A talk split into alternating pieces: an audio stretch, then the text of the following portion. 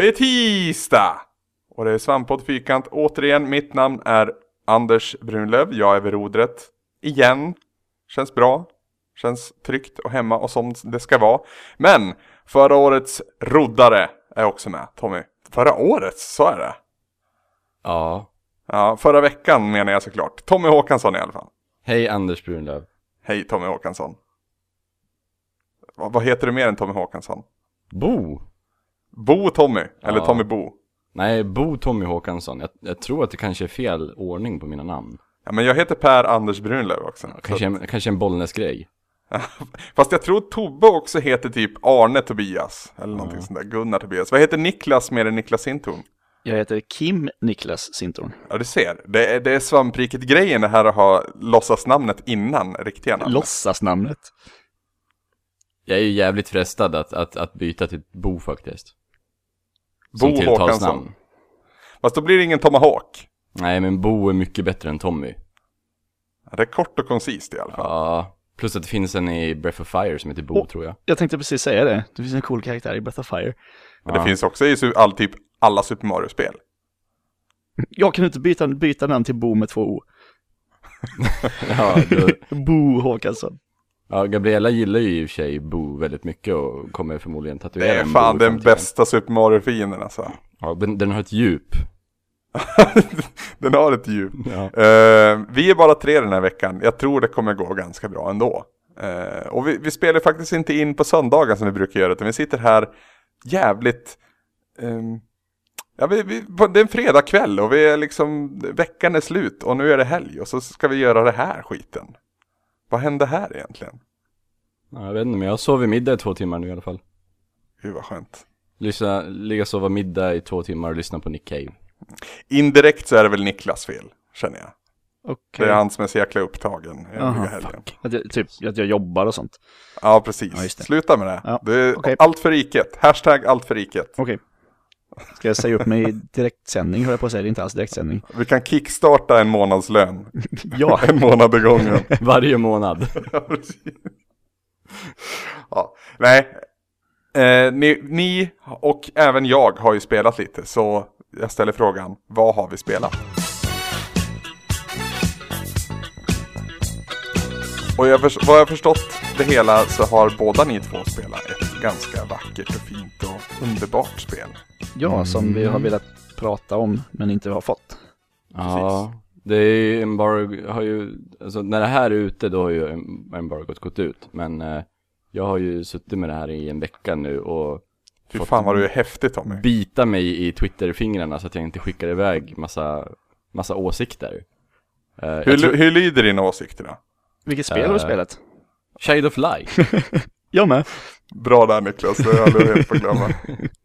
Ehm, första, årets första riktigt bra spelupplevelse. För mig. Mm, jag har haft fler, men eh, ja, jag håller Mm. med. Det, och jag... Ja, jag vet inte. Det, det är så vackert. Och hennes hår är så vackert. Vi hade ju det här spelet uppe på tapeten när vi hade Anna i podden senast och hon hade sin pepphörna. Mm, jo, jag kan förstå att det här är ett eh, Anna Pep-spel. För att eh, det är ju... Eh, alla karaktärer ser ut som att de är så här eh, klippgubbar i hur de rör sig. Mm. Och allt ser handritat och vattenfärgmålat ut. Precis, det är ju Ubi Art som det kommer ifrån. Eh, Ubisofts eh, artsy fartsy eh, studio har jag fattat som.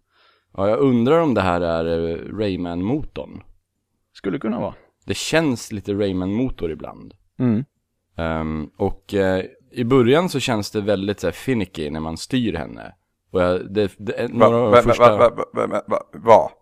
Finicky? eh, spattigt. Okej, tack. Ja. Hon, ho- det, går, det går för fort och hon hoppar för högt och sådär. För att jag, jag associerar det här med ett, ett limbo med färger i början. Ehm, det visade sig inte vara, utan att hon hoppade och, och rörde sig väldigt konstigt i spelets inte ens första timme. Det, det ändrades totalt när man plötsligt fick vingar och fick flyga helt obehindrat. Ja, det är jättefint. Man, liksom, det är som att fly- flyga What? runt i, i konstverk. Så här. Och UbiArt förresten är ju ändå Ubisofts inhouse eh, grafikmotor som då också Rayman eh, Ja. är gjort i. Och det kommer ett spel till i det snart som jag inte kan komma på vad det heter. Är det, U- ja UbiArt Framework heter motorn då, det är den du pratar om. För utvecklarna är Ubisoft Montreal. Mm, precis, just det. Ja. Vi Precis. det. Då, det, det rätt förklarar också. saken. Mm. Ehm, så, ja, nej. eh, riktigt, och, uh, alla, alla karaktärer, musiken, karaktärerna, allt är Är skrivet det i lite rim. flaskhalseffekten på dig nu Tommy? Att du har Ja. suttit och bitit i läppen så pass mycket nu så att det liksom bara bubblar ut ord. Ja, Alltså jag, jag, vet, jag vet inte riktigt var jag ska börja med det här. Nej, men kan du förklara för mig då som inte har en aning om vad det är för typ av spel? Eh, det är uh, sidoskrollat Ja, med eh, enstaka plattformsmoment. Eh, även när man har lärt sig att flyga då, då så handlar det ibland om att eh, flyga i så här eh, täta taggbuskkorridorer eller lavakorridorer och sådär. Okej. Lite, lite pussel. Li- lite problemlösning då och då också. Eh, och sen går det omkring fiender på skärmen då. då. Alltså, tänk dig Limbo korsat med Braid ungefär eller något sånt där. Ja, Och ja, så, ja. och så kan man flyga fritt. Och så är det fiender på skärmen och då har man en liten eh, lys, eh, en liten, en liten lysfluga, vad heter det? Eldfluga? Firefly. Ja, eldfluga. Eh, Fast som, det är ju eh, någon slags wisp av något slag. Ja, den är ju inte ens gjord av eld, den ser ut att vara gjord av vatten. Det ser ut som en liten vattendroppe. Mm. Som, som man styr med eh, höger joystick. Och om man spelar i co-op så kan player 2 styra den här lilla, den här lilla varelsen. Och vet ni? Och om man spelar på Wii U så kan den med plattan styra. Mm, och om man spelar på Playstation 4, då finns det äntligen ett användningsområde för touchplattan på kontrollen. Okej. Man kan styra den med den. Det funkar, Aha. det funkar faktiskt ganska bra, tycker jag. Funkar det även eh, tillsammans med din vita? Oj, jag vet inte. Jag har inte provat. För jag har kört lite spel så, bara för att testa och det Ah. funkar förvånansvärt bra. Ja, alltså. jag måste testa. Mm. Ska jag testa ikväll. Och den här lilla, den här lilla wispen då, då är ju bra på att plocka saker och sådär. Men det viktigaste som den gör, det är ju att den kan så här stanna fiender som går omkring på skärmen. Så att man antingen kan undvika dem helt och bara flyga över dem utan att, man, utan att de försöker skjuta en eller attackera en. Eller så, så att man kan attackera dem bakifrån och få en surprise attack. Och då kommer vi väl osökt in på stridssystemet då. då. Det är ju ett RPG i den klassiska bemärkelsen att man eh, flyttas till en stridsskärm Mm. i striderna. Och då står ju du och dina karaktärer till vänster och du har två stycken platser i din fight. Men du kan hela tiden skifta mellan ditt karaktärsregister som du har med i ditt party då. då beroende på situation. Uh, och um, det tog ett tag innan jag fattade att den här lilla wispen kan man dessutom använda i striderna. Genom att lysa på fienderna så att deras uh, Active Time Battle-mätare rör sig långsammare. Ja, egentligen är man ju alla på samma mätare så att säga. Både ens egna karaktärer och fienderna rör sig eh, längs samma mätare. Man ser deras små huvuden där nere.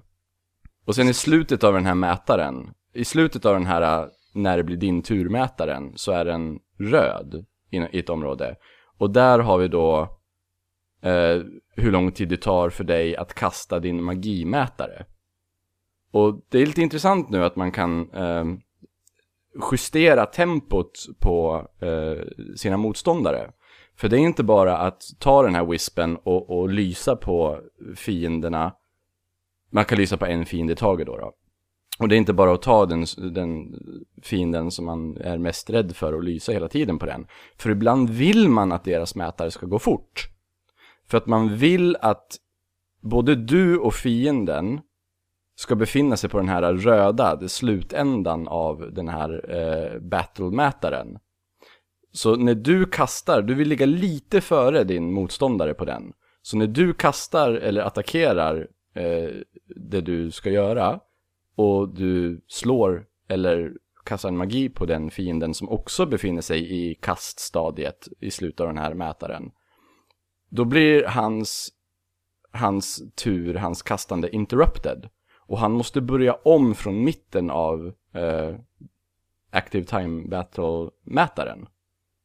Så om man tajmar det där väldigt bra, speciellt mot bossar där det är du två mot en då, då du och din kompis mot bossen, så kan man eh, cancella bossens attack typ fyra fem gånger i rad. Om man bara är klok med hur, när man låter hans mätare gå långsamt och när man låter den swisha mot kastområdet fort.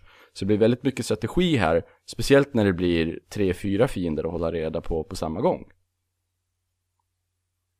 Förstod man det där?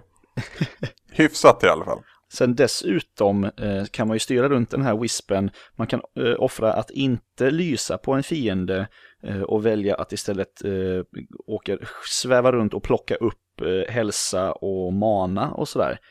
Så det Mm. blir ännu, men då kan du ju inte lysa på fienden så då kan du inte eh, få dens eh, tids Ja. eh, och gå långsammare. Så det blir ett väldigt spännande mikro eh, micromanagement-grej där i striderna. Ja. Man, kan, man kan även eh, lysa på sina eh, partners så att de får tillbaka HP. Just det. Så det är sånt här avvägande hela tiden. Och den här wispen har ju då en, en, en energi som tar slut. Då kan du inte lysa mer. Då laddas den upp långsamt och sådär. Ja, precis. Och då brukar det finnas så här lite buskar, två, tre buskar i så här fighting-bilden eh, eh, runt kanterna och sådär.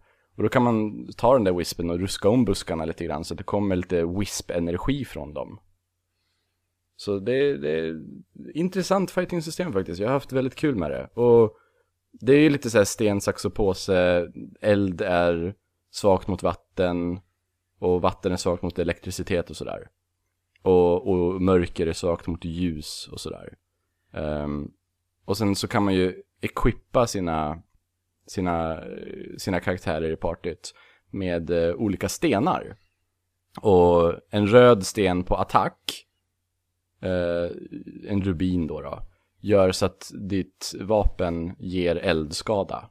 Men den röda stenen på defense gör så att du blir starkare, du får bättre defense mot eld. Det är ju väldigt Och- likt Diablo 3 egentligen. Ja, så det, det, det är lite så här sätta materia i Final Fantasy 7 eller något sånt där. Ja, Och Det sen var, kan man ju det var det jag crafta. tänkte på. Sen kan vi crafta de här stenarna också. Så du kan ta tre små stenar och så får du en, en större sten. det var det jag tänkte ta- som var Diablo 3 då. Eh, att Ja. du uppgraderar dem hela tiden. Sen tar du de där tre större stenarna och så får du en jättestor sten. Och så finns det massa olika färger som har massa olika egenskaper. Och jag vet inte, det är, det är inte jättedjupt rollspel det här, det är det inte. Men stridssystemet är det näst bästa omgångsbaserade roll, stridsrollspel jag spelar om de senaste tio åren i alla fall.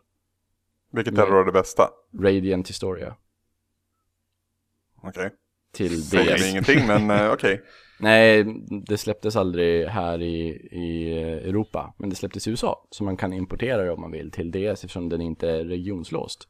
Ah. Så vill man smaka på ett otroligt underskattat och bortglömt rollspel med så här, väldigt så här traditionellt jap japanskt rollspel.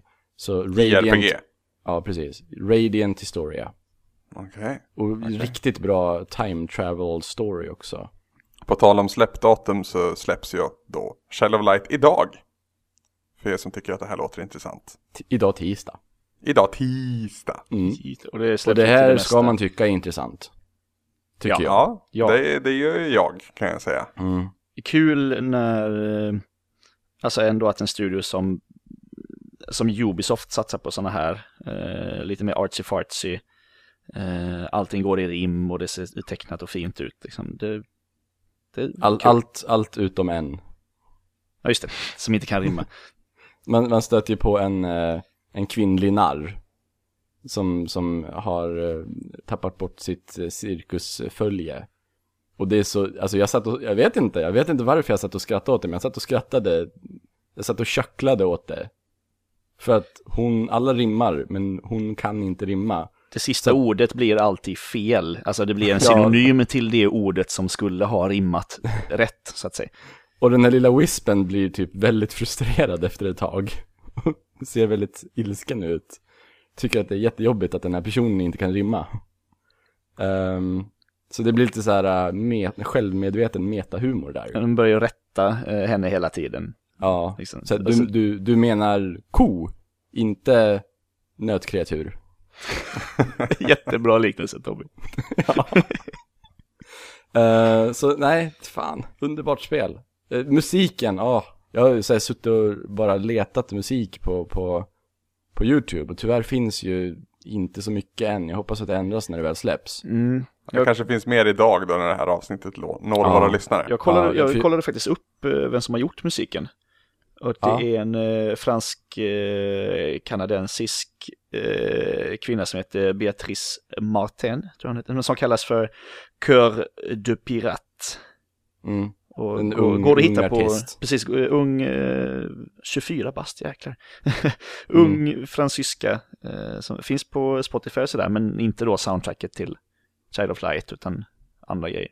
Och det är, alltså det är bra musik, alltså stridsmusiken i, i ett, i ett eh, omgångsbaserat rollspel är väldigt viktig. Och här har de fått till det. Och de har fått till utforskarmusiken som ibland är bara så här eh, väldigt ensamma pianoslingor men, men som fin melodi. Och de, den här melodin återkommer, liksom det är, en, det är en genomgående melodi i nästan all musik.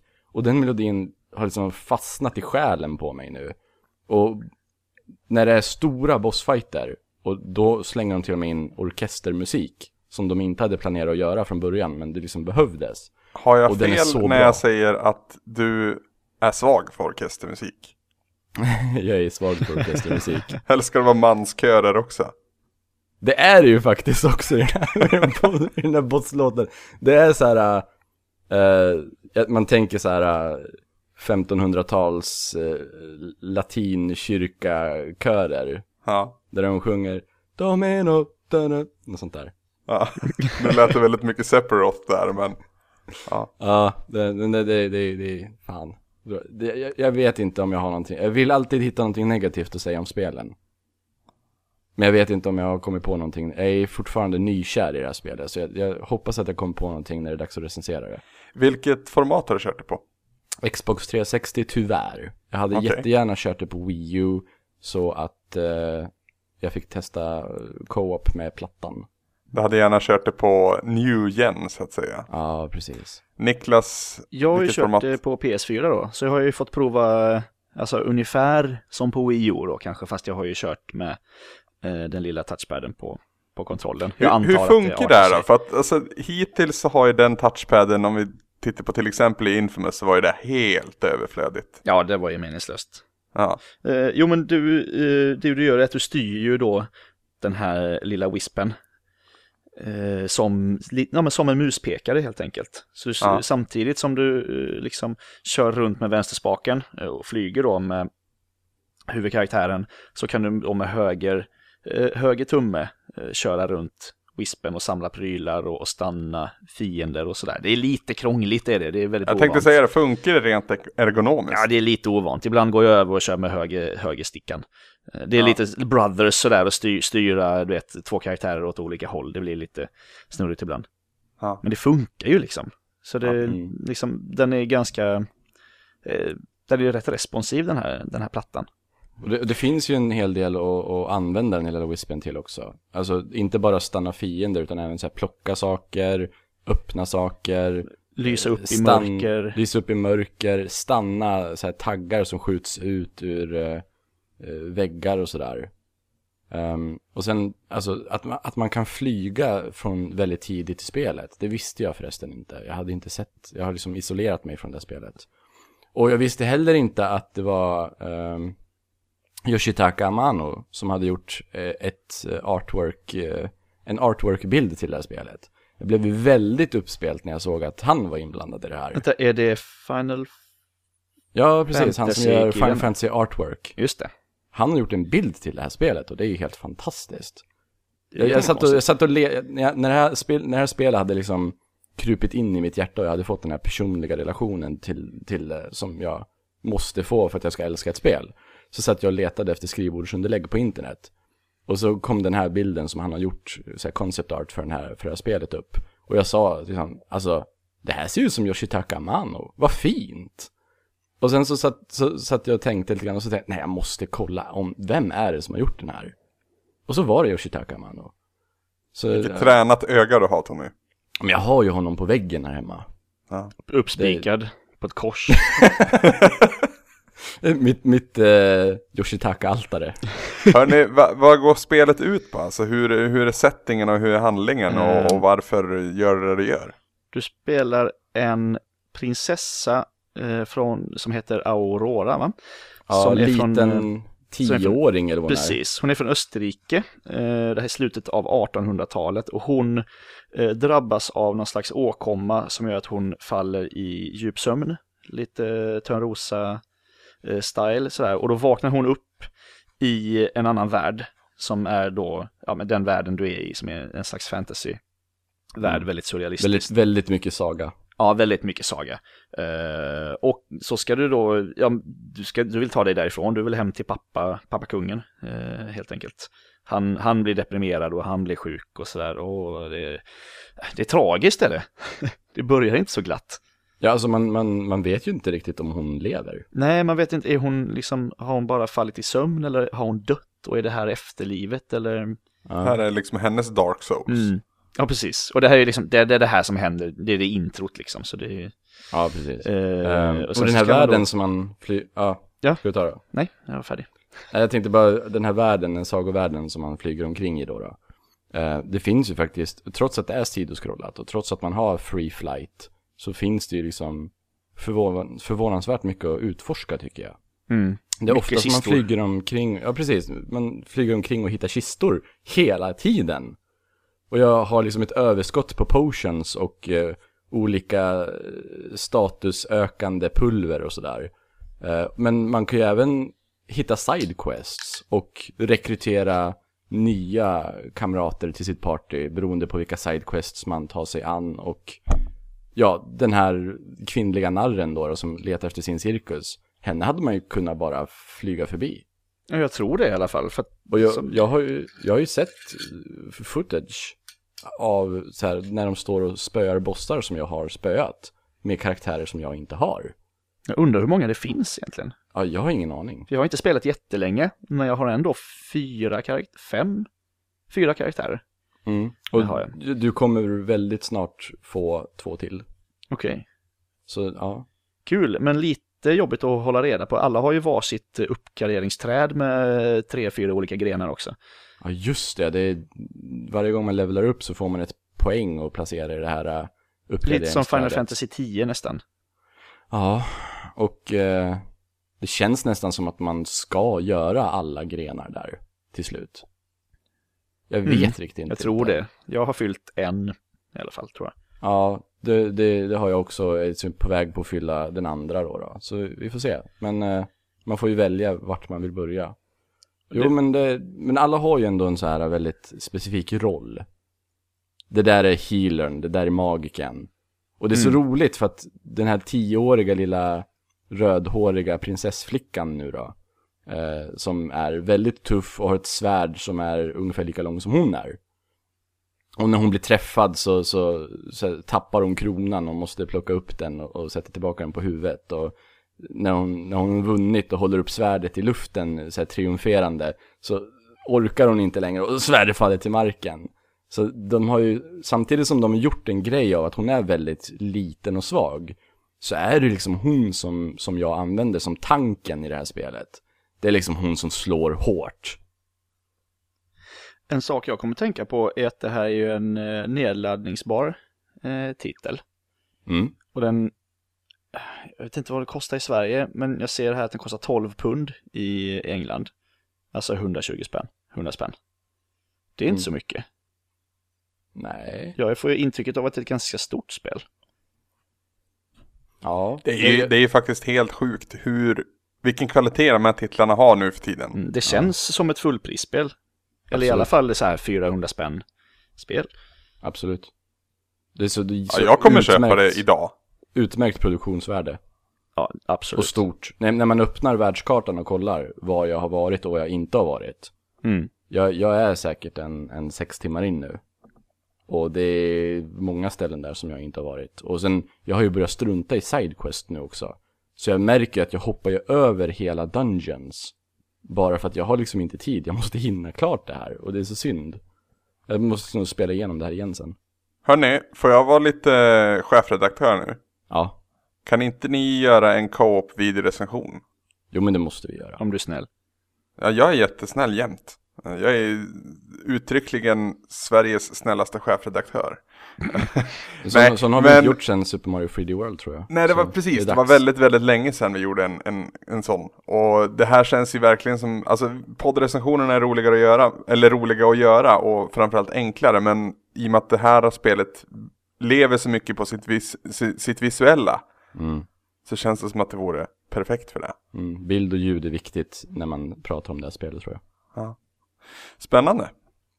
Ska vi lämna det därhän med det? Goti! nu, nu, var- okej. Ja, jag har skrikit Goti alldeles för många gånger i år redan. Jag säger Så- bäst hittills. Ja, jag, jag, Bäst hittills. Ja, men okej. Ja, för mig. Ja. Vilket är bäst hittills? Är det Dark Souls för dig Niklas? Nej, jag måste nog faktiskt säga mm, Left eh, Behind, alltså The Last of Us eh, Oh, DLC. Ja, Ja, ja, det det gills ju inte, för det är ju inte ett jävla spel. Du är inte ett jävla spel. Jag, är- jag är beredd att, att fistbumpa dig, men jag håller i både South Park och jag tror också Infamous högre än det. Mm. Jag håller... Nej, eh, ja. Ja, i och för sig, i och för sig, i och för sig. Det jag kommer spela Dark Souls och Infamous och The Last of Us DLC kommer jag inte ens spela, men Stick of Truth det kommer ju inte vara bättre än det här, det kan ju inte vara det. Men det, det är i alla fall någonting som jag kanske inte ska... På vissa Döma sätt ut liknar de ju varandra faktiskt. Eh, I och med att det är så här är lite light RPG Mm. eh, med mycket saker, alltså mycket interaktion i omgivningen. Mm, Lite, ja. fast ändå inte. Eh, Niklas, Ja, du har också spelat någonting mer. mm, det har jag gjort. Jag har spelat ett legospel. Oj, de kommer ju då och då. Eller rättare sagt, de kommer hela jävla tiden. en gång i månaden ungefär. Nu är det Lego The Hobbit Just det. som eh, står på tapeten. Fan att jag inte köpte aktier i Lego för typ 10 år sedan. Ja, jäklar alltså. Eller för typ 30 år sedan. Ja men det är ju liksom de senaste 10 åren som det har blivit en enorm renässans känns det som. Fast Lego har ju alltid gått bra, eller har jag fel? Jo, jo, det har aldrig gått, det har aldrig gått dåligt, men Nej, jag, vill ju, jag, jag levde ju inte för 30 år sedan. nej, nej men hade man skulle ju önska att ens, ens 10 år sedan. farföräldrar köpte aktier i Lego innan de byggde upp Legoland liksom. Mm. Men det känns som att Lego aldrig har varit större än vad det är nu. Ja, nu finns Ja, det ju allt i Lego verkligen. Simpsons Lego kom väl nu för inte alls Mm. länge sedan va? Och Minecraft Lego och allt möjligt. De är ju redan gula, så det blir Alltså jättebra. det är någonting inavel med Minecraft Lego för övrigt. ja, är det det blir väldigt meta kanske. Ja, inavel kanske ett starkt ord men, men ja. Ja, hur som helst, The Hobbit. The Hobbit, Lego The Hobbit, alltså Lego, har man spelat ett Lego-spel har man spelat alla. Så är det. Ja, det är så. Ja. För jag har inte spelat Lego-spel sedan typ Star Wars. Okej, bara jag, setting som ändras. ja, setting ändras, det blir snyggare, det blir ju framförallt mer, fler karaktärer. Alltså när man kollar, man kan ju se silhuetter på alla karaktärer man kan låsa upp i det här spelet.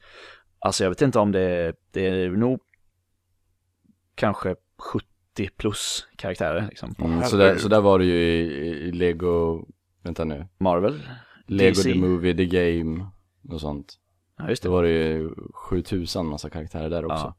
Ja, det är en helvetes massa karaktärer och jättemycket olika utrustning kan de ha också. Eh, och sådär. Men eh, det som jag gillar i, eh, i senare legospel är att man eh, ofta har stora öppna världar. Eh, mellan banor så att säga. Så var det. ju i eh, Batman 2 och i, det var väl i Marvel och, och sådär också. Det, är ju, det tycker jag är väldigt mysigt för mellan banorna då så kan man ju gå runt och ja, men leta massa extra prylar, nya karaktärer, ny utrustning, så här silverbitar och röda bitar som gör att man kan aktivera fusk och sånt där. De är ju nästan, alltså ska man hitta allt i ett legospel så det är nästan oänd, en oändlig uppgift. Men, alltså de är ju mysiga. Ibland är det skönt att, att, att veta vad man får. Ja, det, jag är jättenöjd liksom. Det är jättemysigt. Det är fortfarande samma. Det är lego liksom. Uh, man, man samlar lite material och craftar lite i det här. Eller rättare sagt, man bygger, uh, bygger förutbestämda uh, grejer så att säga. Man ska hitta rätt bitar och sådär. Men annars så är det, ja men det är ju, som jag, jag skrev ju det, en, en text om det, att jag jag tänkte säga det, du har ju en krönika ja, på det. Ja, precis. Jag tycker det är så schysst att eh, de här spelen bjuder ju in de, de allra minsta liksom att ta del av en historia som kanske inte är helt barnvänlig. För nu för tiden följer ju, åtminstone i, eh, vad heter det, Sagan om ringen och, och nu The Hobbit så följer ju spelet storyn i filmerna rakt av. Alltså mm. de har ju så här ljudet från precis, cutscenes. Ja, men precis, till och med talet är ju liksom, är ju samma, det är bara att ja, istället för att någon får handen avhuggen, eller så får hon fortfarande handen avhuggen, men då så här skuttar den iväg och liksom så ställer sig på någons huvud och är lite rolig liksom. Och, och sådär. Ja men du vet, det som, ja, men som de här hästarna i, i Sagan om ringen, eh, Lego-spelet ja, ja. när de kommer till Rohan och de håller på med sin synkroniserade eh, hästridning där. Jätteroligt. Så det gillar det är jag. faktiskt lite roligt. Man kan få hela storyn eh, i en film eller en filmserie utan, men man behöver inte ta del av våldet och, och liksom det vuxna så att säga. Är det, det här den nya typen av licensspel? Jag spelar ju, om jag får välja mellan det vanliga licensspelet och Lego-licensspelet så, skulle jag, så väljer jag ju Lego-spelet alla dagar i veckan. Jag vågar inte chansa på det vanliga licensspelet. Nej, det är väl lite så. Lego uh, vet man att ja, men det, är, det är lego. Det, det funkar, det är schysst. Mm. Jag sitter ju lite taggad på Amazing Spider-Man 2. Dels för att jag tyckte filmen var skitbra. Uh, dels för att jag tyckte att förra Amazing Spider-Man med samma utvecklare och samma motor och hela den biten uh, var mycket mer underhållande än vad, vad folk verkade tycka. Jag, jag hade jätte, jätteroligt med det här spelet. Det finns ju en del bra Spiderman-spel alltså. Mm.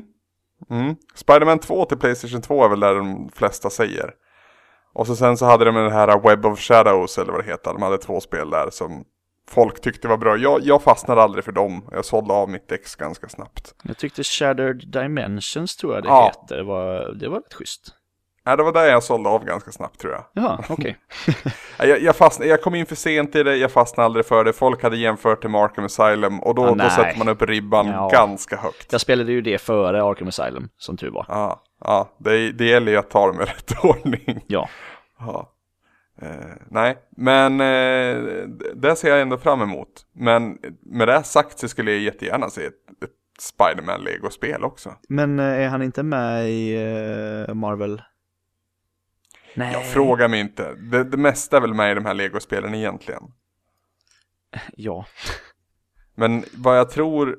Jag har inte spelat Lego Marvel, men jo, det verkar, jag tror att han är med. Jo, jag tror jag har sett någonting jag också. Och det, det kommer man ju undan snyggt jo, det är för att det är Marvel där. Eh, eller Disney då tekniskt sett. Disney äger ju inte Spiderman egentligen. Just det. Det, det är Sony som äger det. Men det är ju filmbranschen liksom. Ja det är en jävla hopkok det där och det hör egentligen inte hit. Ja, Marvel har ju fuckat upp totalt tycker jag. Har, äh, fast är det Marvel som har fuckat upp? Det är, alltså de hade ju gått under om de inte hade sålt Spindelmannen till Sony. Hade de verkligen det? Ja, de, de, analytiker säger det. Jag är lite mer på dem än mina egna teorier. Gått under? Ja, det var ju länge sedan alltså. Det här var ju när, när Sony gick in och gjorde Spiderman 1 med Tobey Maguire. Ja. Då stod inte Marvel högt i kurs. Det är ju något helt annat läge idag. Men de hade väl X-Men då? Ja, det är väl Fox som har X-Men. Ja men alltså Marvel. jo men alltså Fox äger X-Men-franchisen. Jo jo men Marvel får väl pengar när Fox gör X-Men-filmer? Jag vet inte det faktiskt. Va? Jag tror inte det. Det, det får ju någon som vet mer svara på. Men ja. jag vet i alla fall att det är liksom en big deal nu i, i slutet av Amazing Spider-Man 2 efter eftertexterna klippet. För det är ett klipp från en kommande X-Men-film. Och det är en big thing för att liksom det är olika, det, Sony äger Spider-Man och Fox äger X-Men. Och ska de till att samarbeta? Hmm, hmm, hmm. Kanske, jag vet inte. Man får ju läsa in saker i det där. Men det, det, det finns jättevälskrivna artiklar som går igenom det här mycket mer tydligt än vad vi kan göra det nu. Jävlar vilken backlog jag har på Marvel-filmer alltså. Shit. Ja, jag har inte det sett är- någonting sen Avengers. Ja, Okej, så det är tre filmer då.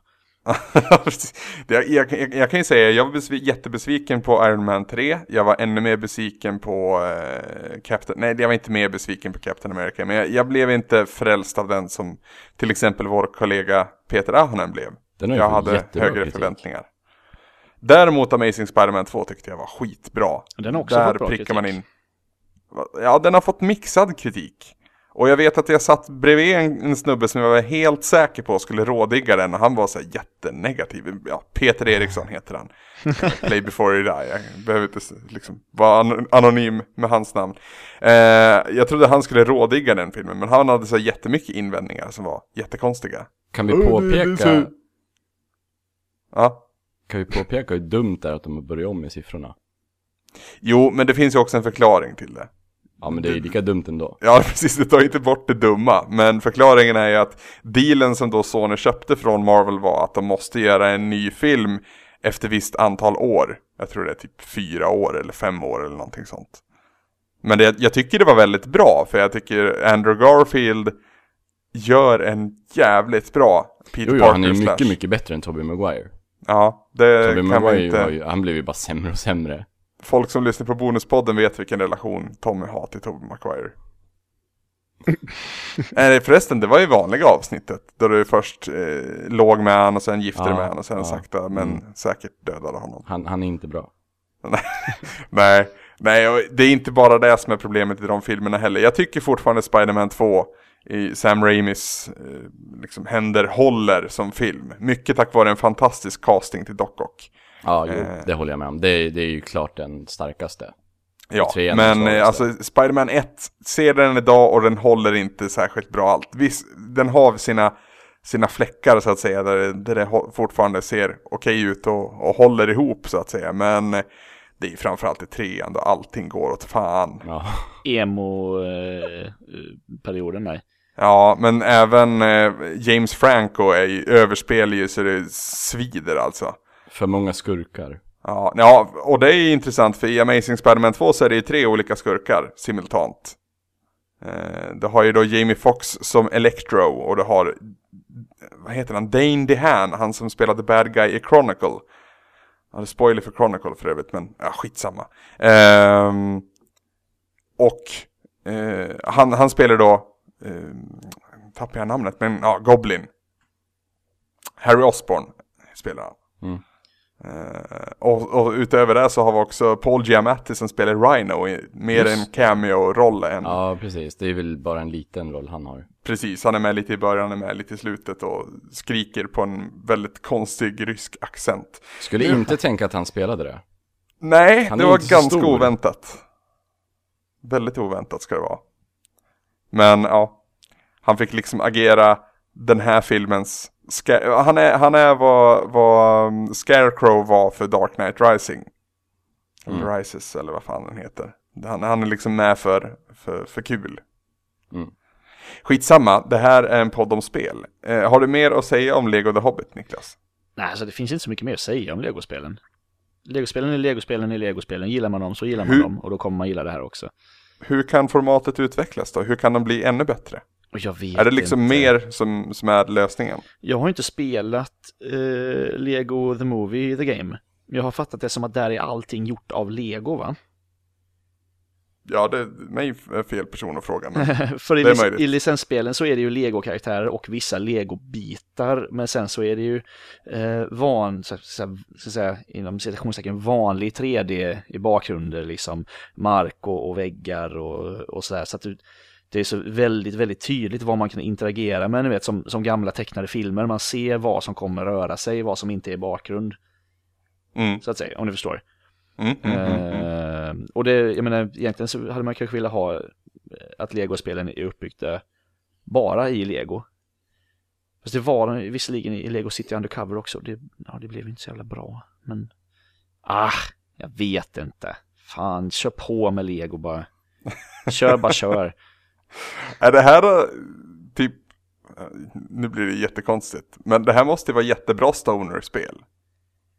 Där man bara kan Ja. sitta bakåtlutad och Ja, button masha och så är det liksom roliga saker som ja händer. men det är svinbra så här och eh, sitta två, eh, två pers i soffan och, och dricka bärs och, och snacka skit samtidigt som man spelar. För man kommer hela tiden framåt, det är inga, inga problem liksom. Du inte... Svampriket uppmanar fortfarande till ett sunt leverne utan droger och alkohol. Jag, Ja, jag tänker ja. Anders, det, den här frågan ställde ju den enda killen med dreads på redaktionen såklart. Så jävla fördomsfull. Du har aldrig frågat, du har aldrig frågat någon annan om det är ett bra stoner-spel. Fy fan. Nej, Alla vet ju att det är Tommy här som, är som får mest förfrågningar och sånt där. ja, just det. Det var länge sedan jag fick någon förfrågning nu. Det har nog aldrig hänt mig. Jag ser verkligen inte ut som en dealer alltså. Fast jag ska, jag ska åka till Roskilde i sommar så då kommer det ju ändra sig. Ja, just det. Ja.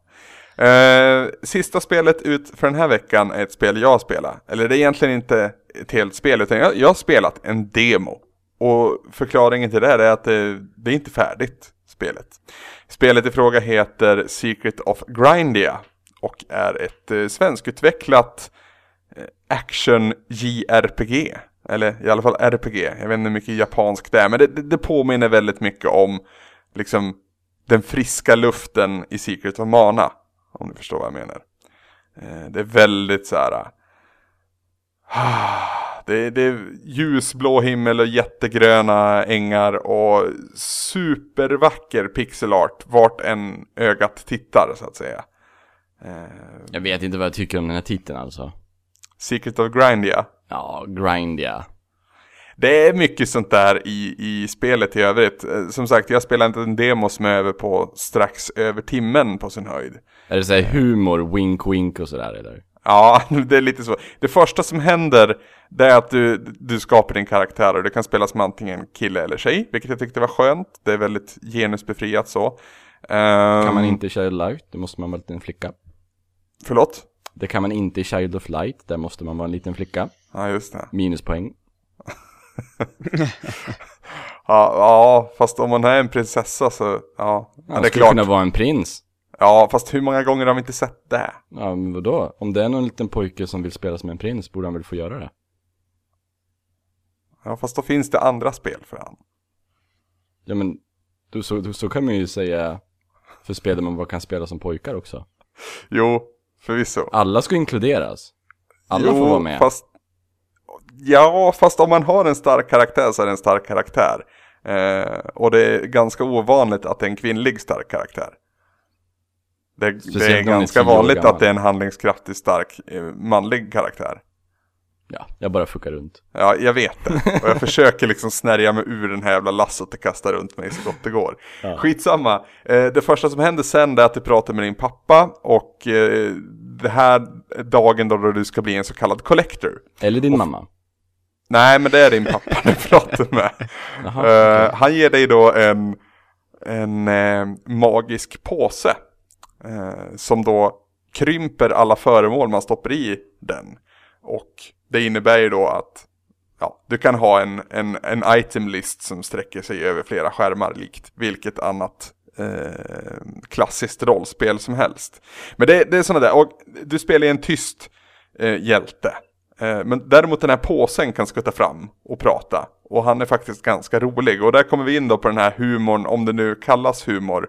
Eh, liksom att det heter Secret of Grindia. Eh, första staden eller byn du kommer till heter Everquest. Och det är där du får liksom alla dina quests och så. Eh, och det, det, ja, hur som helst. Det är ett, eh, ett action JRPG-likt Secret of Mana mycket. Att du springer omkring, eh, du levlar upp, du har olika vapen som du kan använda. Eh, och så, men eh, och och möter olika bossar av olika dess slag. Så det är Zelda 3 fast med mer rollspel i sig egentligen. Fantastiskt vackert måste jag säga. Eh, och som sagt, svenskutvecklat. Det finns ju en anledning till att jag kört den här demon. Eh, och det är att det kommer ju då dyka upp. Det är ett av de spelen som visas upp på Retspelsmässan som ja, du och jag Niklas ska till, Mm. eh, till nästa vecka. så. Så att eh, jag, ville, jag ville smaka och känna på det, hur det är. Och jag måste säga att jag är väldigt, väldigt imponerad. Eh, Jag vet att du googlade det där Niklas och Ja. tyckte också att det såg väldigt fint Det ser ut. väldigt mysigt ut. Det är väldigt mysigt och som sagt inte färdigt. Men eh, det känns som att man har någonting väldigt bra på gång och om jag har förstått det hela rätt så har man hållit på och utvecklat det här väldigt, väldigt länge.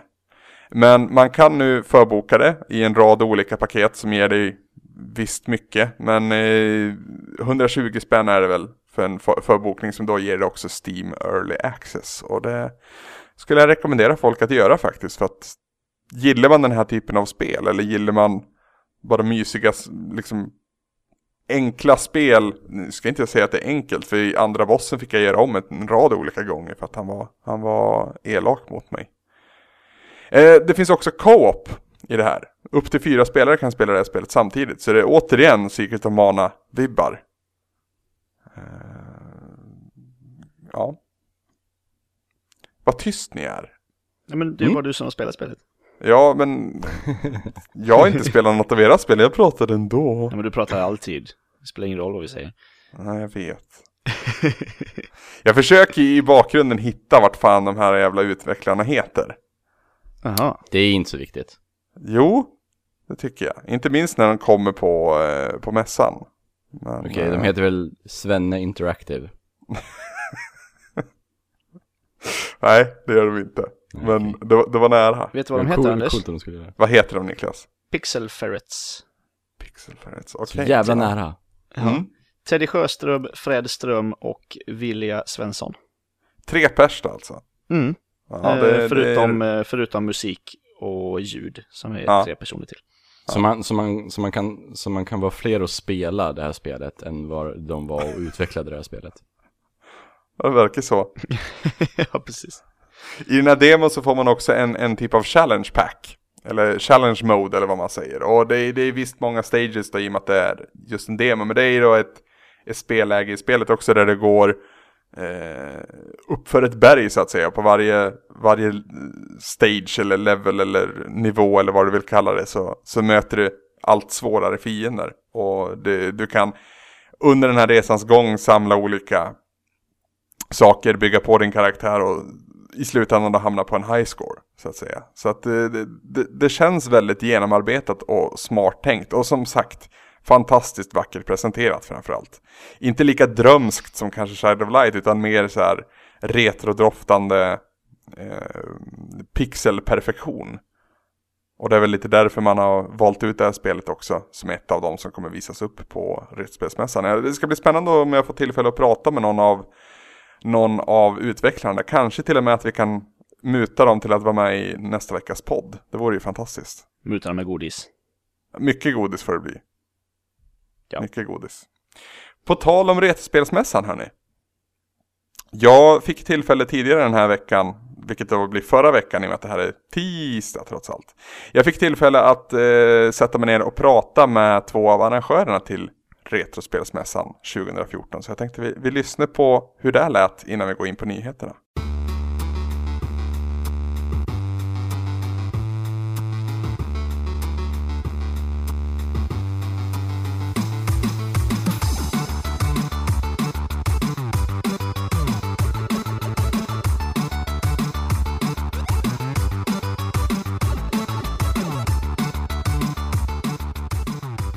På lördag den 3 maj i Göteborg så går den femte årsupplagan av Retrospelsmässan av stapeln. Och för att prata lite om det här så har vi dels Kristoffer Hansson Aspman med oss. Hej Kristoffer! Hejsan. Hur står det till? Det är bara bra tack. Det är Ja. fullt upp nu. Ja, jag, jag, jag misstänker det. Det är väl i de dagarna nu. Eh, även Robert Krese med oss på tråden. Jajamän, hej hej. Allt bra med dig också? Jo då, det är jättebra. Jag måste börja där någonstans. För att jag, jag har ju fått en liten insyn och en liten inblick i hur mycket tid och energi ni lägger ner på det här varje år. Hur hinner ni med det så att säga? Nej, vet du vi... Dels så träffas vi ju en hel del under året och vi umgås som kompisar och ja, vi pushar varandra så gott det går. Eh, Ja, hjälps åt helt enkelt och delar på arbetsuppgifterna. Och eh, vissa av oss tar ju självklart lite större ansvar. Eh, och ja, hela tiden, man försöker i alla fall att säga till om man behöver hjälp med någonting. Det är en väldigt, um, det är en väldigt extrem situation som man ofta hamnar i. Eller väldigt udda i alla fall. Udda situation som um, man, det är liksom 12 stycken eh, som har lärt känna varandra genom mässplanerandet. Vissa har känt varandra sedan innan. Eh, och man, man måste väldigt ofta argumentera för sin sak på ett helt annat sätt än vad man gör med bara vänner eller eller eh, så liksom. Det blir många, många udda situationer. Men vad är det som, vad är det som driver, er, driver er då? Vad är det som, som gör att ni vill göra det här varje år? Det är femte året i rad nu. Liksom, och ni har alltid vuxit och ni har alltid blivit ja, bättre. Det är väl att eh, man... Eh, det är så otroligt mycket folk som uppskattar det. det är, för många är det här årets höjdpunkt viktigare än eh, en, eh, jag vet inte, första semesterdagen eller julafton eller... Eller E3 för den delen. Liksom. Det... Jo, det... Alltså, dagen när själva mässan är, är ju helt obeskrivlig. Allt folk som kommer och alla är så glada. Alltså, det är, det är så mycket glädje. Alla kommer fram och pratar och bara är på toppen humör. Eh, ja, det är, det är mycket kärlek till eh, de här retrospelen och det är det som, det är det som driver en. Att man vill fortsätta utveckla det och ja, hitta på nya roliga saker som, som eh, besökarna uppskattar. Som sagt så är det här det femte året ni anordnar den här mässan nu. Eh, ni båda var med 2009 när ni först körde igång. Vad hade ni för ambition med mässan då? Vad ville ni göra liksom? Och har ni kommit dit och, och ser ambitionen annorlunda ut idag? Ja, när vi satte oss ner och planerade sommaren 2009 så hade vi nog inte någon ambition om att bli så här stora. Eh, det var, liksom inte riktigt med på kartan för vi eh, kunde nog aldrig anat att intresset skulle vara så här stort ifrån allmänheten.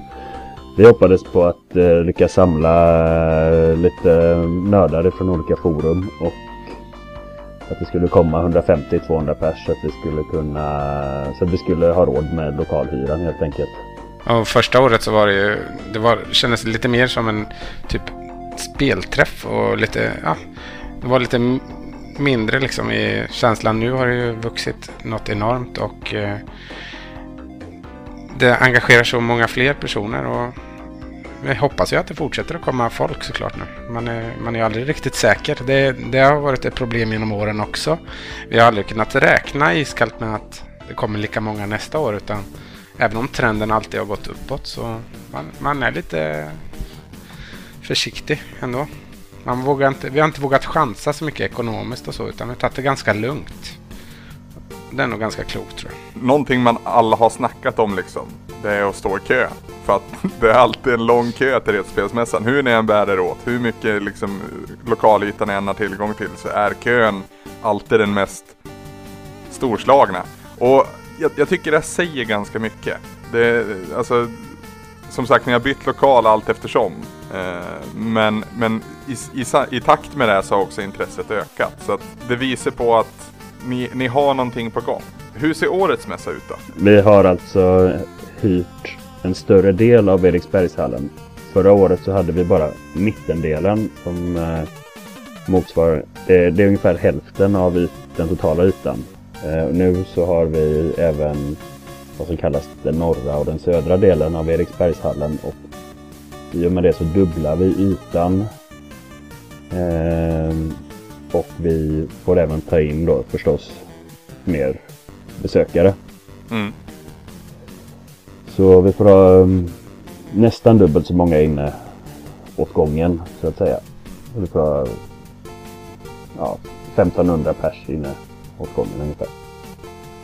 Det där måste ju vara ett, ett, ett, problem som ändå är ganska fint att ha men ändå ett problem. För att alltså folk, alltså det, det är kö där, jag, jag refererar till i fjol, eh, där det var kö hela dagen. För att när folk väl kommer in på mässan, då blir man ju kvar där. Ja. Och det, det, det, kan jag ju säga som besökare, det har ni gjort väldigt bra, att erbjuda någonting annat än en marknad som ändå är väl den största delen av brädspelsmässan. Precis och det är, det är många som har eh, såklart hakat upp sig på köproblemen och eh, nästan varje gång som vi skriver någonting på Facebook, någon liten nyhet om det kan handla om vad som helst så är det ofta någon som är inne och kommenterar om, om köerna och det, det är förstås jättesynd att det behöver vara så att det är så många som eh, har den dåliga erfarenheten. Ehm, samtidigt så är det inte ett alternativ för oss att eh, på den ideella basis som vi ändå eh, arrangerar den här mässan att flytta till till exempel Svenska Mässan eller som någon har föreslagit någon gång Elmia-hallen eller det funkar inte. Vi, vi klarar inte av att driva mässan ideellt så och vi har ju liksom eh, jobb och vissa går i skolan och sånt som driver detta så att eh, vi försöker göra det bästa av situationen och eh, vi hoppas att eh, folk har överseende med det. Och det kommer vara kö för att folk vill komma in på en gång. Det, mm, det är liksom, många vill komma för att fynda så de hänger på låset och vi eh, kommer att ha mycket snabbare eh, kassasystem och allt möjligt så för att vi ska, vi ska få in folk så fort som möjligt. Men när det väl blir fullt så är det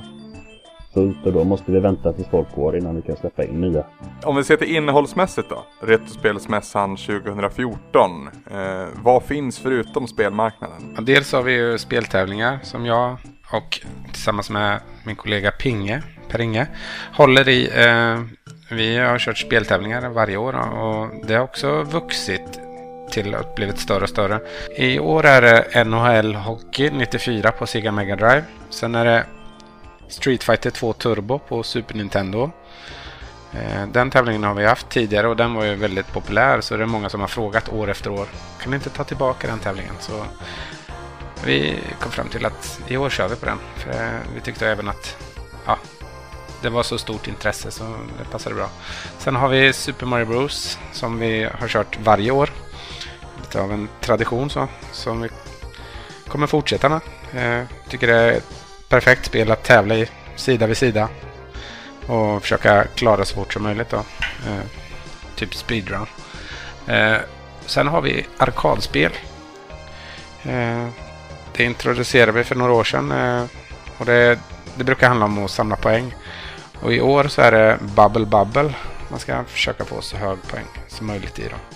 Så när dagen är slut så får man se vem som vinner den tävlingen. Jag kan, jag kan ju säga det, om jag då får, får trycka på vad jag skulle vilja ha så vart jag väldigt irriterad i fjol när ni hade Tecken 3-turnering. För jag älskar Tecken 3, jag tycker mig också vara ganska bra på det. Mm. Eh, men jag hade ju mitt spelfria år i fjol. Just det. Vilket fick mig att skrika i en kudde vid i alla fall ett tillfälle. Mm, jag för att jag, jag minns en tweet eller en, eh, någonting om detta i alla fall. ja, men jag kan ju säga också att jag ligger i hårdträning i NHL 94 till Mega Drive just nu. Ja, kul. Där ska jag ställa upp. Eh, jag hade ju det här spelet i Super Nintendo när jag var yngre. Men det är inte samma spel har jag kommit tillfreds med. För att jag var jätte... Eller så är jag inte något bra längre. Det kan, det kan vara det också. Att, 20 år senare så, så, sitter inte takten i lika bra. 21 år blir det väl till och med. Vi introducerar en del um, nya saker på Retrospelsmässan i år. Ehm, vi eh, släpper bland annat lite försiktigt in indiespelen på mässan de som utvecklar de här brukar beskriva dem som retrodoftande indiespel. Så att det, det är indiespel med en eh, retroanknytning. Det kan vara att de ser ut som, eh, som gamla spel eller inspirerats på något sätt. Eh, vi kommer även att ha ett Game Jam på mässan tillsammans med Indie-GBG som är ett eh, eh, nätverk för indiespelsutvecklare här i Göteborg. 20 utvecklare som kommer sitta och eh, dona med det. Sen har vi, som vi introducerade förra året, speedruns eh, tillsammans med föreningen eh, Ludendi från eh, Skövde. Det kändes som att eh, hela själva eh, arrangemanget runt där var väldigt uppskattat. Och, ja. Det var väldigt svårt att få en sittplats där ja. i alla fall vill jag minnas. Ja. Det, var, det var folk där konstant. Det hade ju varit eh, jätteroligt om det nu skulle bli ett rekord liksom när de streamar live på mässan. Det hade varit Sjukt kul. Men ja, vi får se. det kommer vara 13 olika spel. Det kommer vara lite blandade i en NES, Nintendo 64, Super Nintendo, Game Boy Advance. Ja, så det, nej, det ska bli kul att se hur det går för dem. Eh, Gästföreläsningar är nytt för i år också. Eh, Så vi har några stycken som kommer och föreläser. Bland andra Ove Bergsten från eh, Bergsala. Och även Charles Martinet. Och vem är Charles Martinet? Charles Martinet gjorde rösten till Super Mario. Bland annat i Super Mario 64. Jag tror fortfarande han gör rösten faktiskt. Jo, jo det gör han. Och sen eh, även till Luigi, Wario, ja, till många karaktärer. Till väldigt många. Så att, här det blir kul att träffa honom och kommer skriva autografer och ja, folk får liksom hälsa på honom och ta kort tillsammans. Och sen så är det lite, lite andra eh, återkommande då som utställningar och demorummet förstås som eh, växer för varje år och sådär. Vad är demorummet för en som inte har varit där?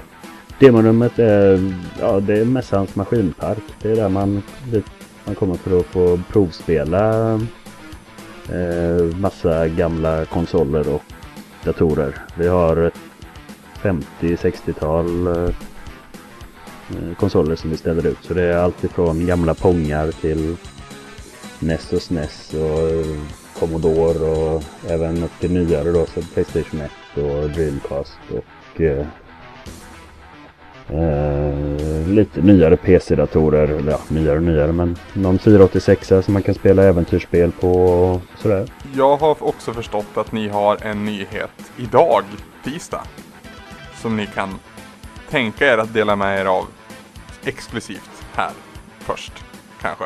Förhoppningsvis. Ja, nej men det, det är att eh, Nintendo-klubben kommer komma till... Eh, alltså de som satt och svarade i telefonen förr i tiden när man ringde till Bergsala och eh, Nintendo-klubben och ville ha hjälp i spel. De personerna som jobbade med den klubben, de kommer att eh, komma som gäster när de är inbjudna. Vi har försökt samla ihop de här klassiska namnen, de som varit med och skrivit eh, blad och eh, svarat på frågor när man har ringt dit. Och, ja, det ska bli spännande att se vad de har att berätta om tiden för. Eh, väldigt, väldigt internt på svampriket men jag måste ändå fråga om Ulf Elving kommer vara på plats. Nej tyvärr, han, eh, han, är inte, han är inte en av de inräknade. Nej, just det. Man känner igen namnen lite grann eh, så här, och för vissa betyder det nog mer än, än andra. Men Jens Olin är det ju många retronördar som känner igen det namnet i alla fall. Mm, mm, mm. Eh, det vi har pratat om nu det, det liksom klingar ju av kärlek för ett, för ett hjärta som föddes på 80-talet liksom. Men någonting som har slagit mig under de här åren det är att det är väldigt mycket unga besökare. Vad är det som gör det tror ni? Är retrointresset så pass utspritt? För någonstans lever man väl i en illusion att det här är liksom eh, det var bättre förr mentaliteten som, som- men, men alltså de här kidsen som jag har sett på varje mässa egentligen vet ju inte hur det var förr. Men de kommer ändå och de köper spel och de är, liksom, verkar ha en jättetrevlig stund. Så att, hur, hur kommer det sig att ni ändå attraherar en sån bred och, och stor publik? Ja, dels tror jag det att eh, många av eh, våra vanliga besökare så att säga, de, de har ju kommit upp i den åldern så de har skaffat egna barn och de vill nog säkert visa sina egna barn vad, vad de spelade för spel när de var yngre och eh, ja, jag har ju också själv barn som är fem och åtta så de kommer komma på mässan och få vara med, gå med sin mamma och prova spel och eh, den äldsta grabben var med förra året också. Och de tycker det är jättekul. Liksom. De kan fastna på ett spel som man själv kanske inte ens gillade när man var ung. Men de hittar någonting i det som de fastnar på. Och, ja, det, det är ganska fascinerande. Jag vet inte egentligen vad man kan säga. Förutom att just spel överlag. Alltså det, det engagerar ju barn och ungdomar. Har gjort under alla tider egentligen. Eh, speciellt när man växte upp och sådär. och Man umgicks ju runt spelen och man har ju fortsatt lite på den banan i och med att man arrangerar mässan och det här nu. Det är väl, det är väl så också att ett, ett, alltså ett bra spel, ett spel som var väldigt bra förr, är fortfarande väldigt bra idag. Det är liksom vad jag tar med mig lite grann om jag svarar på min egen fråga där. Att Mm. Eh, det finns ju en, en, en, en bild av att man vill alltid ha det senaste och snyggare och snyggare grafik och större och häftigare och, och mer explosioner liksom. Men där har vi ett bevis som pekar på motsatsen egentligen. Att, eh, alltså Super Mario Bros. Det, det håller än idag.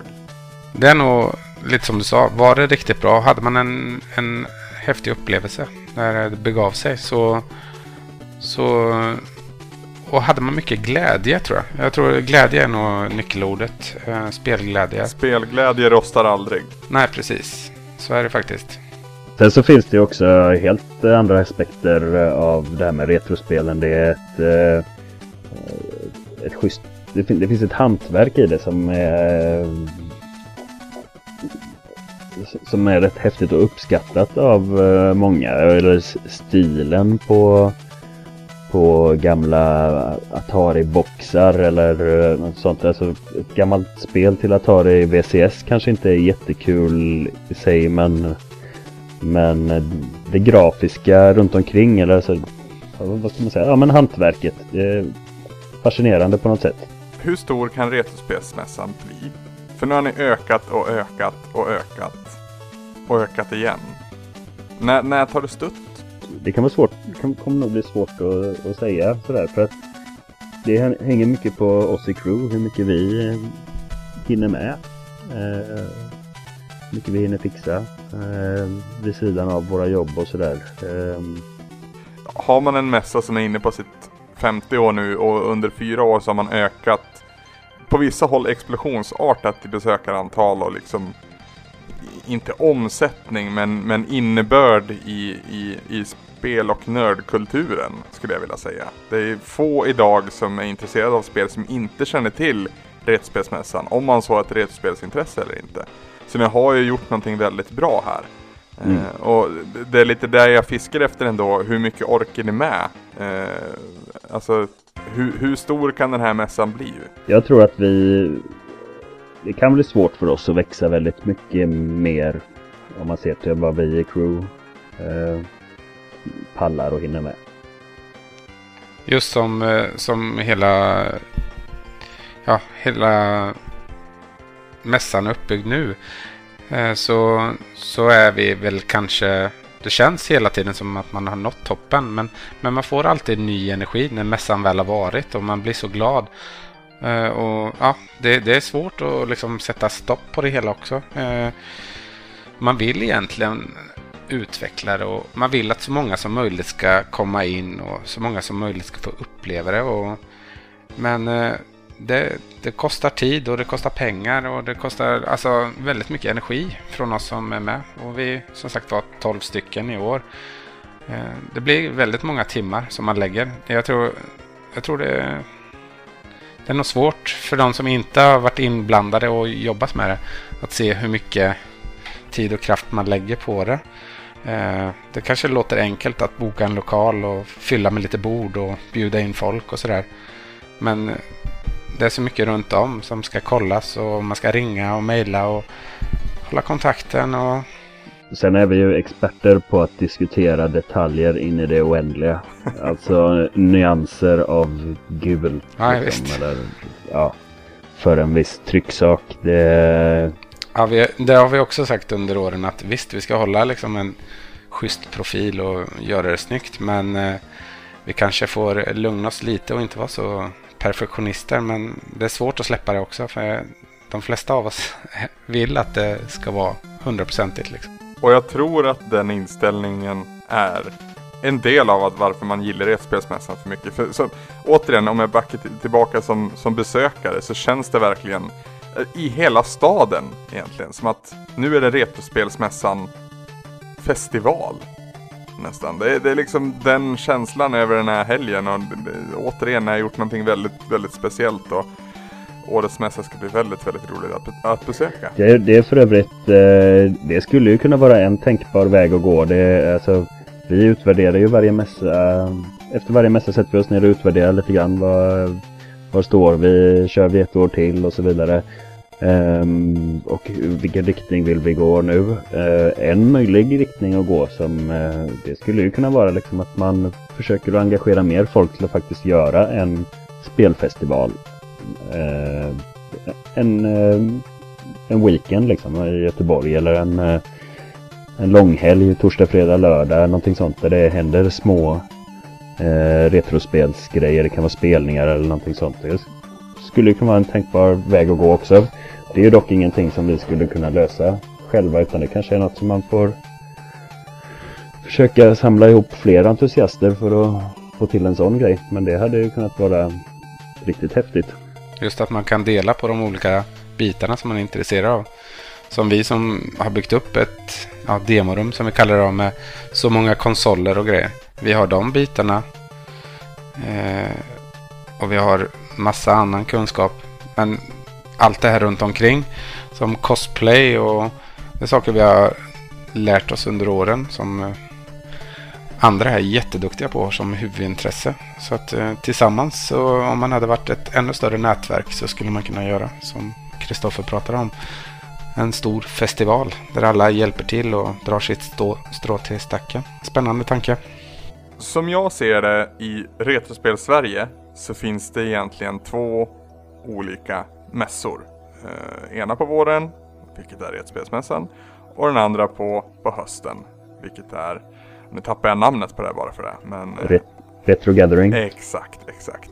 Eh, finns det något annat? Missar jag någonting? Eller är det liksom det som är höjdpunkten för retrofanatikerna under året?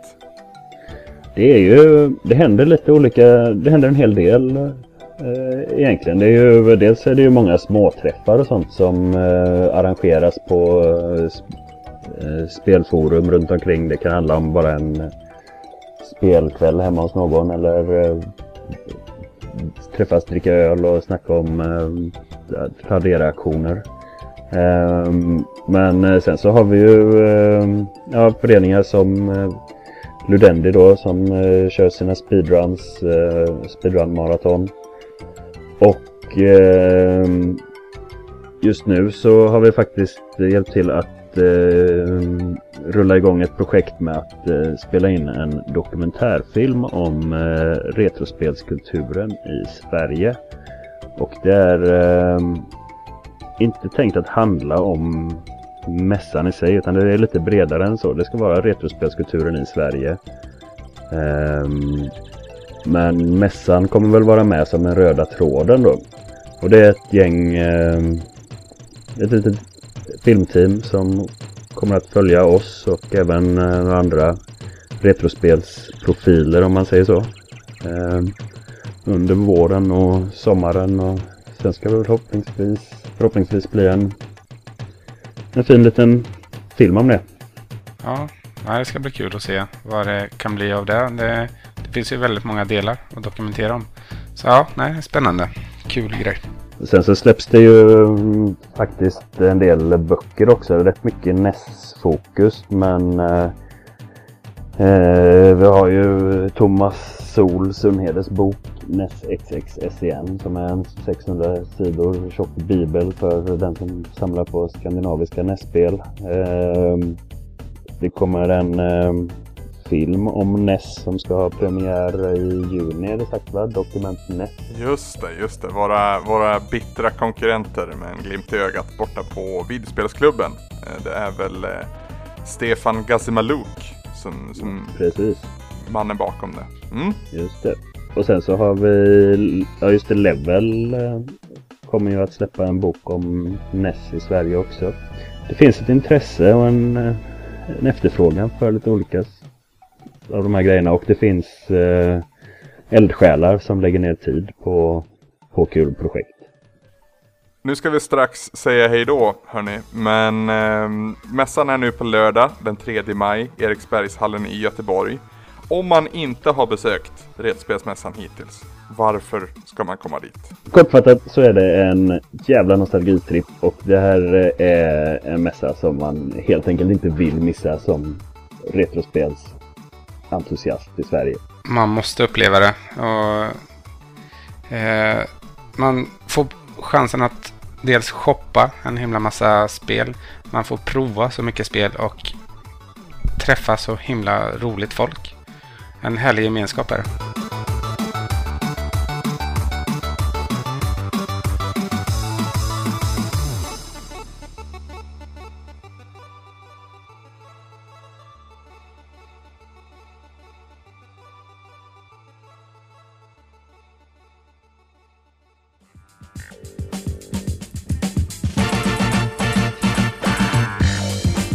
GameStop håller på att eh, omstrukturera lite grann. Jaha, Mm. okej. De, de ska stänga en sådär 120 stycken eh, butiker. Herregud. I USA. Okej, det är inte bara worldwide utan det är just i USA. Det är just i USA. Hur många butiker har GameStop i USA? Mer än 120. De har väl 120 i typ ELA. Nej. Nej. De har nog väldigt många. Ja. Ja men det vore intressant för jag menar, det, hade någon sagt åt mig att hörru, GameStop de har 240 spelbutiker i USA, då hade jag bara okej, det köper jag. Ja, nej alltså Liksom. de har ju 6 500 i hela världen i alla fall. Okej, då kan man gissa att i alla fall hälften av dem är i USA. Och jag vet, in- då vet inte jag om det inkluderar så här butiker som egentligen inte heter GameStop men som liksom är en del av kedjan. Lite som EB Games var förr. Tillhör de samma mogul på något vis eller? Ja men alla EB Games gick över och blev GameStop. Ja, Sen, precis. sen vet inte jag om det var på grund av den liksom att de vart uppköpta eller om de var ägda från GameStop från början. Ja. Jag vet jag, faktiskt jag inte. undrar om alla 6 500 heter GameStop liksom. Mm, mm, Det kanske mm. finns något, det, det, skulle, skulle kunna tänka mig att det finns typ ett land där GameStop heter något, någonting helt annat. Stop Game. Ja, att det, att det landet kanske hade en, en etablerad eh, kedja redan. Och att de liksom är det ville det som behålla det här namnet. initiativet kallas för övrigt? När de stänger ner GameStop-butiker så heter det Stop Game. Ja. I Tyskland heter det GameStupf. Tror jag. ja, nej men alltså det, de ska ju då eh, skifta fokus lite grann. Det kommer inte bli så mycket spel. Det kommer bli mobiltelefoni och sådär. Och lite sådana här eh, köp koder här, lös in dem online. Alltså, det här med att köpa koder. Ja, det är lite konstigt. Jag, jag förstår inte riktigt. Det är väl i princip, när man, du tänker att man köper kort, så här kort liksom, World of Warcraft, en månad. Mm. Men det är väl, det Eller- är väl för kids som inte har några kreditkort typ. Mm. Fast även om de ska stänga ner då, då 120 spel, spelfokuserade GameStop så kommer de ju öppna över 200 Mobile Stores som de kallar det. Så det är ändå en typ av expandering. Ja, alltså det är ju, nyheten är ju egentligen inte som rubriken eh, löd att GameStop stänger ner 120 butiker i USA. Utan Nej. nyheten är ju egentligen att de ändrar fokus Just till mobiltelefoni och öppnar fler butiker än vad de stänger. För övrigt Niklas, kids utan kreditkort är en ganska köpstark marknad. Ja, absolut. Eh, Så men, eh, ja. ja. För det, det, är väl, det, är väl, det är väl de man tänker på främst när man, eh, när man tänker på att köpa koder fysiskt Alltså jag har ju, nu, nu låter det som att jag kommer från värsta hålan, men jag har ett par folie, foliehattar till gamla vänner som vägrar liksom registrera sitt kreditkort. Och jävlar vad de fick vatten på sitt kvarn, på sin kvarn när Playstation Network blev hackad. Oj. Men alltså de köper ingenting här, på mm. internet eller? Mm, mm, vad var det jag sa? Nej men typ inte. Shit, hur är det möjligt? De köper skit för postförskott och sånt i så fall. Så Även liksom, en trasig Oj. klocka har rätt två gånger om dagen. så är det. Så, ja, nej jag vet inte, det känns lite, känns lite konstigt. Alltså vad är det här med att, eller det är väl egentligen inte konstigt alls, men vi lever i en liten bubbla där vi tycker att mobilspel är liksom i regel ganska kass. Men det måste ju vara där pengarna finns. Men vad säljer de i de här butikerna? Bara, alltså, Lappar, det är som nya, och- nya versionens hockeykort. Kommer ni ihåg att det fanns butiker som bara sålde hockeykort? Va? Ja, oj då. Nej, det det var som störst så fanns det så här stånd och det, ja men stånd men, ja, eh, där de bara sålde liksom Ultradeck och Mm. Pro eller vad det heter. Shit, du är från storstan du. Nej, Vi gick till, det här är alltså Bollnäs och Söderhamn jag vi gick pratar om. till Götes Sport och köpte våra hockeybilder i Falkenberg minsann. Jag köpte dem från videohallen i Bollnäs. Videohallen köpte jag också mycket eh, hockeykort. Eh, men i Söderhamn så fanns det i alla fall, eh, inte vid E-center, E-center utan centralt så fanns det, ja men tänk dig som en tidningskiosk fast, ja inte en så stor utan typ som en glassbar. Det är kanske också större. är det som men, eh, ja, The Banana Stand i Arrested Development eller? Ja, ett korvstånd säger vi då. typ så. Med, Det, det, med det tycker jag var ett roligt ord. Korvstånd. Ja, jag tycker det är roligt och jätteroligt. Och om Ludde lyssnar så tror jag att han ligger och fnissar nu. Det tror jag också. Men det heter ju så. Det gör ju det, men det är roligt.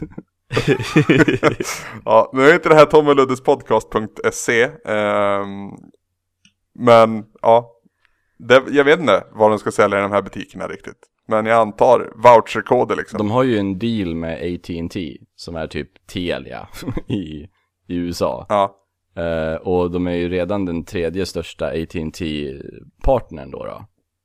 För säljare av AT&T produkter. Så Mm. alltså jag antar att de kommer sälja koder och eh, telefon, alltså AT&T låsta telefoner då då. precis Och antar att de kommer fortsätta heta GameStop. Men jag undrar, kommer det här sprida sig till Europa? Kommer det hända i Sverige liksom?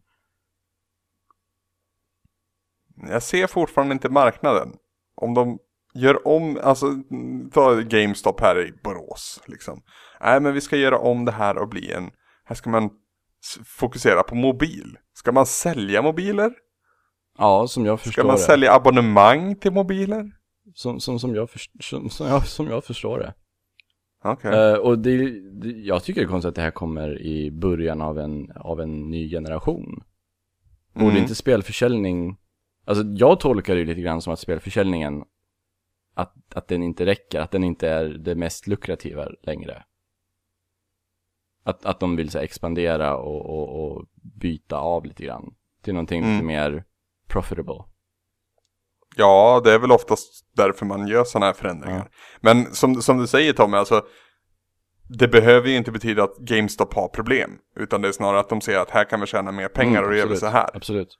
Och det är lite, det är lite, det är lite riskabelt för att det finns ju redan många etablerade där. Ja. Apple har ju liksom egna butiker. Mm. Och sen har de ju andra butiker där borta som eh, de tre stora kedjorna som är, kommer bli GameStops eh, stora konkurrenter är Spring Mobile, Apple och Simply Mac. Och det. när det kommer till tv-spelsförsäljning så har de ju ett ganska tryggt monopol skulle jag vilja säga. När det kommer till fysisk försäljning. Mm. Ska de, ska de släppa taget om det nu och stänga ner 120 butiker?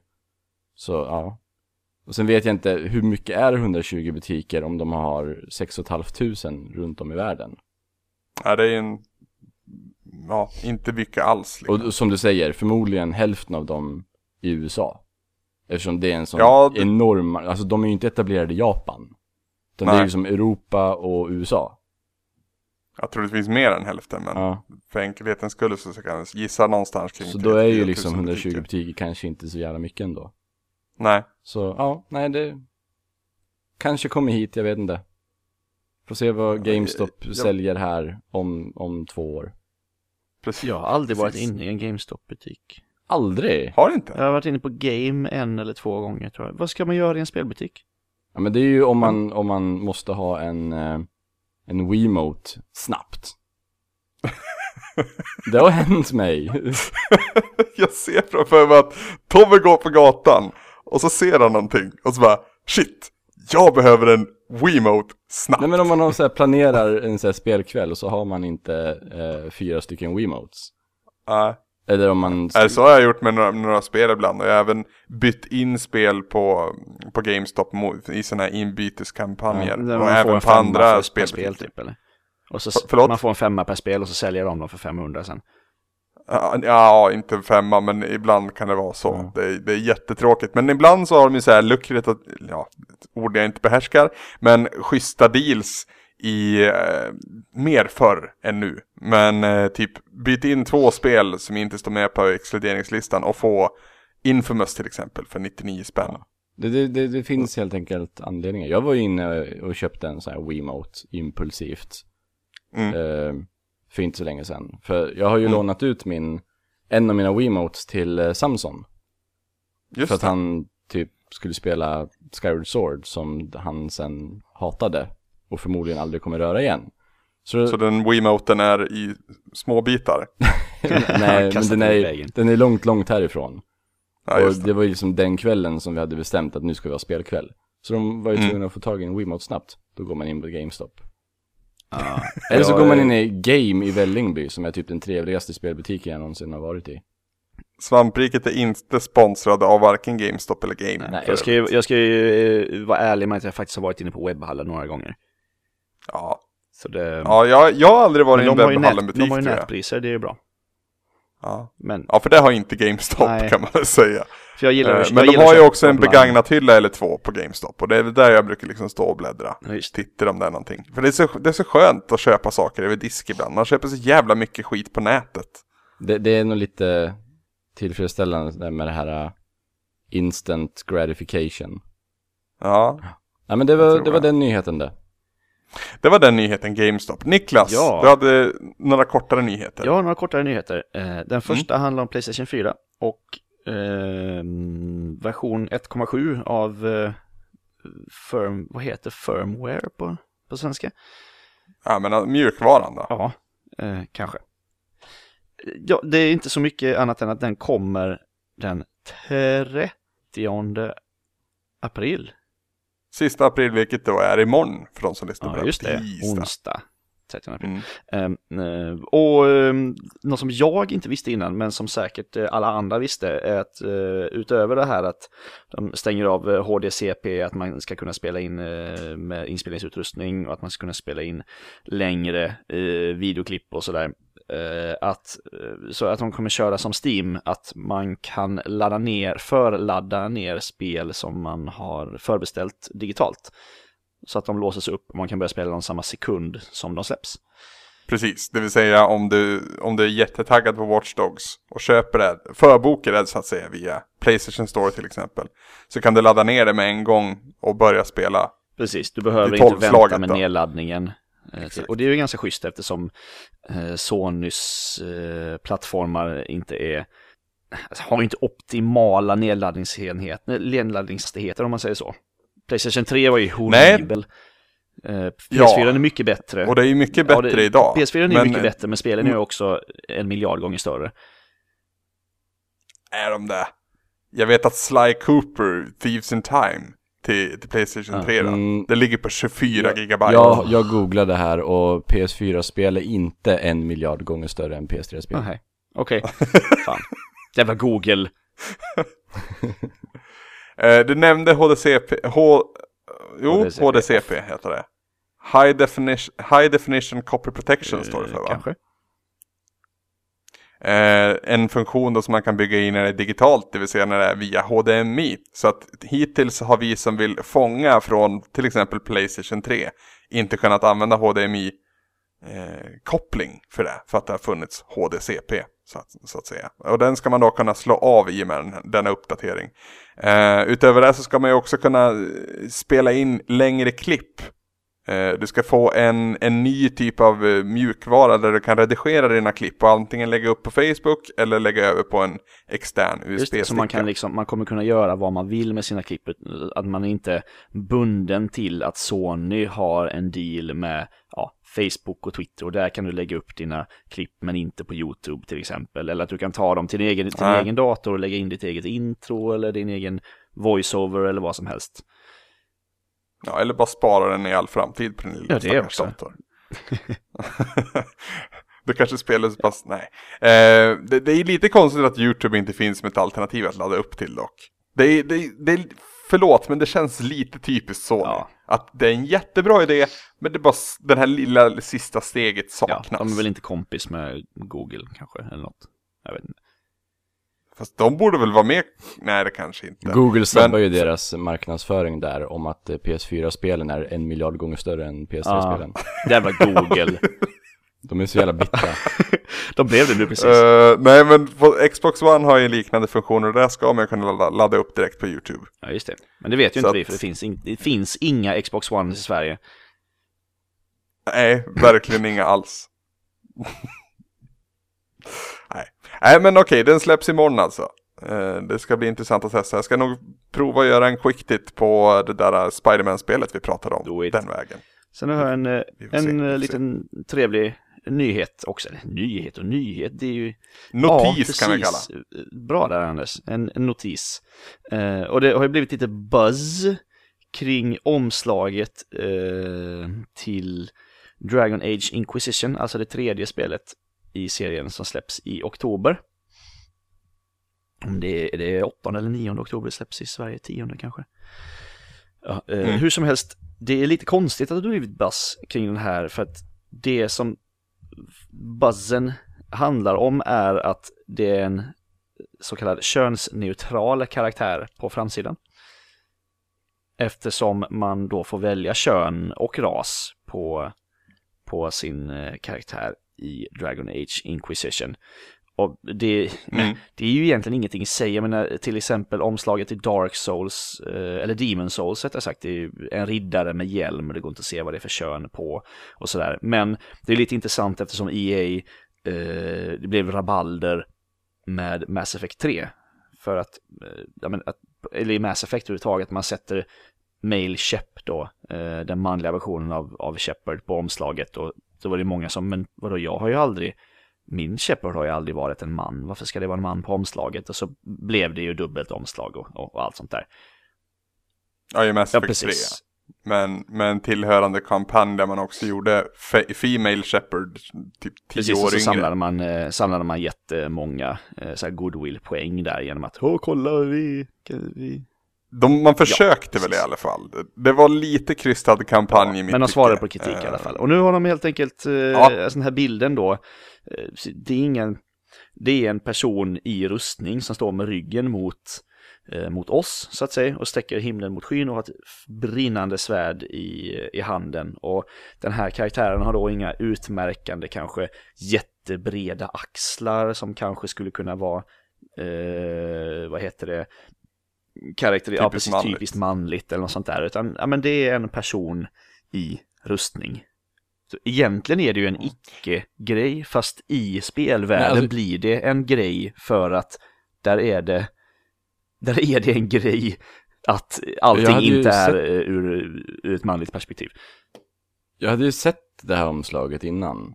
eh, och jag hade inte så här, hö, jag hade inte ens tänkt på att, att, att man inte vet vad det är för kön på karaktären. Nej, inte jag heller.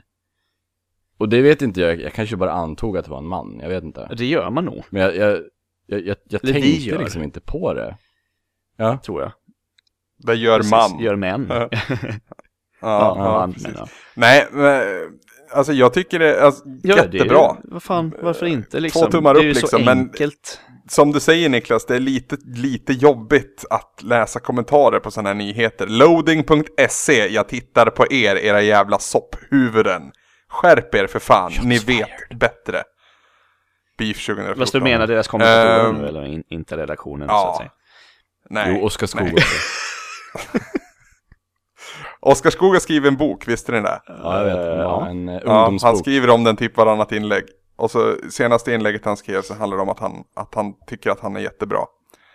Utöver det eh, så tycker inte jag att kommentarerna på nyheten, på bland annat loading, var så jävla roliga att läsa. Det var så här, behöver vi verkligen det här? Är det verkligen nödvändigt? Och liksom varenda jävla snubbe som skriver sånt där är ju naturligtvis kille.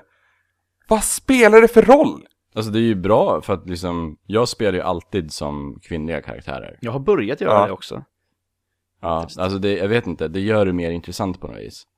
Mm. Ehm, och sen tror jag att jag identifierar mig mer, liksom, jag vet inte, kvinnliga, alltså alla, alla, oavsett om det är en man eller kvinna så är de ju så här äh, jättemacho. Men jag, jag tycker ändå att så här, en, en, en kvinnlig tv-spelskaraktär känns mer mänsklig och nära min machonivå än en manlig tv-spelskaraktär. Det blir så här, Jag håller med. overload macho om det är en manlig tv-spelskaraktär. Det blir som Med dubbel Shepard macho. som undantag skulle jag vilja säga. Jag tycker Shepard är liksom välskriven oavsett. Det är så skönt där eh, för att det är så sällan som det ens påtalas att du är man eller du är Mm. kvinna. Där, där föredrar jag nog delvis för att jag tycker att eh, Jennifer Hale är en bättre röstskådis. Mm, det var därför Det jag valde en eh, Klasskillnad. kvinnlig Shepard i, i trean. Ja. För att jag hörde att hon skulle vara så mycket bättre, och det var hon ju. För jag spelade ettan och tvåan Mm. som, eh, som manlig då. Och sen ska, jag vara, Nej. sen ska jag vara lite sån och säga att det är behagligare att lyssna på kvinnliga röster än manliga röster, tycker jag. Ja, det beror väldigt mycket på röst, Ja. från röst till röst för mig. För mig. Ja, det, det känner Jo, jag jag- också. Jag så kan inte generellt. dela upp det så liksom. Men utöver det, jättesnyggt omslag tycker jag. Ja, Snyggaste omslaget jag har sett på många år, är det. tror jag. Eh, Stilistiskt liksom och, och smart ur, ur flera aspekter Och då uppenbarligen. är frågan, när Anders säger att det är snyggt, är han homosexuell eller är han heterosexuell då? Det vet man inte. För det blir man per automatik genom att säga att någonting är snyggt. nej, nej, men vi vet inte om det är en man eller kvinna på omslaget. Nej, Åh, jösses. Jösses Tommy. Jösses Tommy. Du, Det är lite så här, din sexualitet när du säger att det omslaget är, det är så här lite Schrödingers sexualitet. Ja, nej, jättesnyggt omslag. Jag gillar eh, färgtonen i det. Eh, det kändes... Jag, jag, jag varit förvånad över hur mycket jag tyckte om det. Eh, jag har inte spelat något av Dragon Age-spelen. Eh, kommer nog inte djupdyka rakt ner i det här heller, men...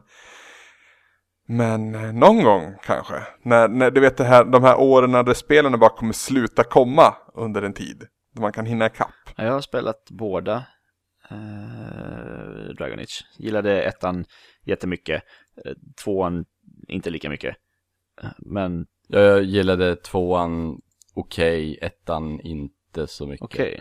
Det kan ju ha med att göra att jag gillar de här eh, lite, de här de äldre ehm, vad heter det? De äldre PC-rollspelen som Baldur's Gate och eh, Ja. Icewind Dale och Alltså det här är ju, jag, jag, jag känner ju att det är ju spel som man måste så här sätta sig in i och jag tror att tvåan är lättare att spela ytligt än vad ettan var. Ja, Och det är nog därför som jag gillar tvåan bättre. Och sen tycker jag ju faktiskt att stridssystemet är lite mer, jag spelar ju på konsol också. ja, det gjorde jag Och också med ettan på konsol var ju ingen höjdare. Nej, jag spelade ettan Och på PC, det funkade jättebra.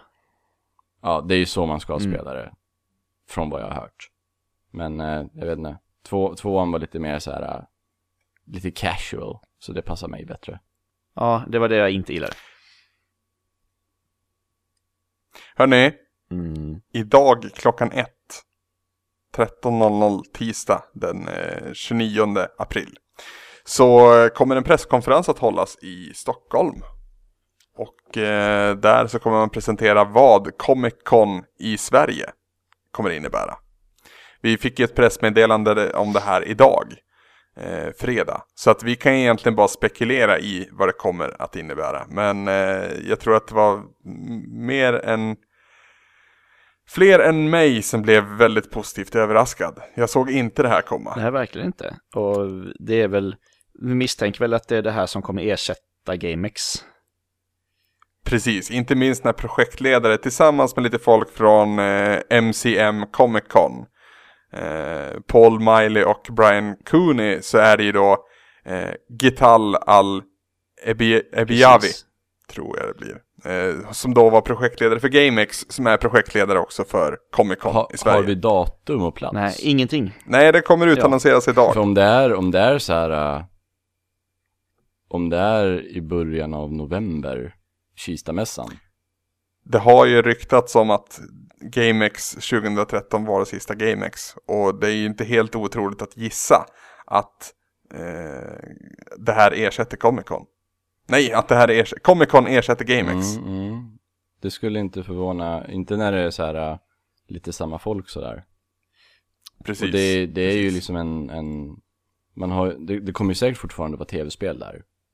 Mm, Bara att man expanderar till lite mer um, nördområ- närliggande nördområden. Ja, alltså allmänt Mm. nörderi, serietidningar, mm, tv-serier.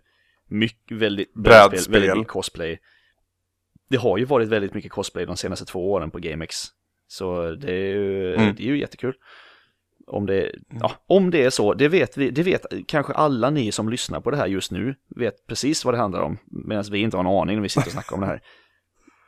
Jag tittar ut MCM, MCM Comic Con för övrigt. Eh, de här två namnen jag läste upp, de här två herrarna eh, härstammar ju därifrån. Och jag tittar nu då, de anordnar ju då Comic Con i London, Birmingham, Midlands, Ireland, Belfast, eh, Manchester och Ah, Skottland. så Storbritannien alltså. det verkar ju vara en, en eh, europeisk företeelse det här.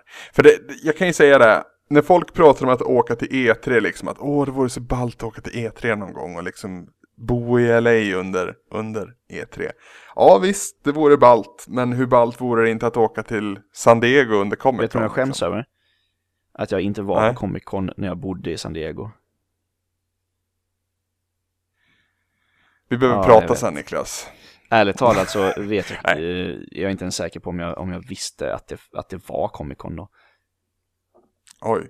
Ja, då, då, då slås ju mytbilden ner att alla i San Diego vet vad Comic Con Ja. är. Jag vet, jag vet inte om, om det gör det bättre eller sämre. Nej, jag att vet. du inte var där, eller att du inte var där för att du inte visste. Nej, jag vet faktiskt inte. Alltså jag hade ju fullt upp med att typ ligga på stranden och dricka bärs liksom. Vad fan gör man när man nu pluggar Det ett skönt när du år? började med fullt upp. Vad fan gör man när man Ja, pluggar ett ja. år i Kalifornien liksom? Ja, inte plugga i alla fall. Det är det sista man gör. Nej, för jag har alltid velat åka till Comic Con i alla fall. Det är liksom ett, en, en nördfestival som jag ser det. Och under de senaste åren, framförallt San Diego-mässan då, så har det ju liksom också blivit en, en pelare där man utannonserar balla saker. Eh, Batman vs Superman utannonserades där. Jag tror att Avengers för, för, för första gången utannonserades där. Sen är det ju liksom vart går gränsen för vad som är balt och vart går gränsen för vad som är liksom PR Hollywood. Eh, och det finns ju många då som menar att den här fina Comic Con-mässan som det var en gång i tiden är borta. Och att det är ett jävla PR-jippo all, alltihop. Eh, just nu. Det finns en jättefin och jättemysig dokumentärfilm som heter Comic Con A Fans Hope. Eh, nu kommer jag inte ihåg vad han heter, han som har gjort det, men ni kommer ihåg han som åt McDonalds i en månad? Spurlock. Eh, Morgan Spurlock. Exakt, samma snubbe bakom den här dokumentärfilmen. Eh, rekommenderas varmt. Tror den finns på amerikanska Netflix i alla En fall. grej med Han- just Comic Con, den amerikanska upplagan då i San Diego, är väl att det är ganska mycket paneler, har jag fattat som. Och det är ju någonting som vi eh, har efterlyst på svenska GameX. Mer eh, alltså samt, panelsamtal med utvecklare, eh, speljournalister, allt möjligt, istället för bara, bara det här reklammontrar. Så det, det kanske, jag vet inte om eh, de storbritt, storbritanniska motsvarigheten till Comic Con också är så, så kanske det är någonting som skulle kunna dyka upp här också. Ja, alltså alla Ja. kan ju, alla liksom Det skulle inte göra någonting om de tog hit eh, engelskspråkiga Nej, verkligen inte. eh, i- så här, gest, gestalter som, som sitter och håller Håller låda ett Fan, tag. tänk om det skulle komma... Folk skulle ju komma till Precis, det. tänk om det skulle komma någon, eh, ja men säg Bioware eh, utvecklare, kanske någon mellanchef av något slag för att snacka, ja men Dragon Age liksom. Det hade ju varit smockfullt. Utan tvekan. Ja. Ja. Eller Pewdiepie. Pewdiepie. Eller Tapes. Eller inte Pewdiepie. Eller inte Tapes. Eller svamp, eller svamppodd. Jag har ingenting emot dem direkt så. Men kanske Svamppodd på scen. Det är det enda du vill se. Ja, det, det är det enda jag vill göra. Åh, jag kommer ju ha ångest igen i så fall. Hade du ångest senast Tommy? Först hade jag, först hade jag typ så här, ja shit, det kommer komma typ 10 pers. Ångest. Ja. Och sen när det var typ 10 minuter kvar innan vi skulle börja Så började det så här välla in folk Så folk, folk, folk, folk Typ hundratals folk Och då, då, då kände man ångest åt andra hållet Alltså typ nu får det räcka, nu får det komma några fler Nu vill jag, Stänger nu vill jag inte ha fler här inne Hur, hur mycket såg ni där från scen? Jag, jag satt ju i publiken där. Såg ni hela publiken eller? Ja, Ja. Det var ingen större fara. Det var inte så blinding lights. Nej Men det var, det var lite läskigt när det bara kom massa folk hela tiden och det tog aldrig slut Nej. Så ja, nej det var kul, kul. Sen, sen handlade avsnittet i stort sett om att du pratade Pokémon med publiken. Yes! så det var ju XY som var den var ju stora stjärnan. relativt nysläppt och sådär Ja jävlar vad jag inte Ja. fattade någonting. När man går in på specifika Pokémon så säger jag bara åh, jag kan fem kanske.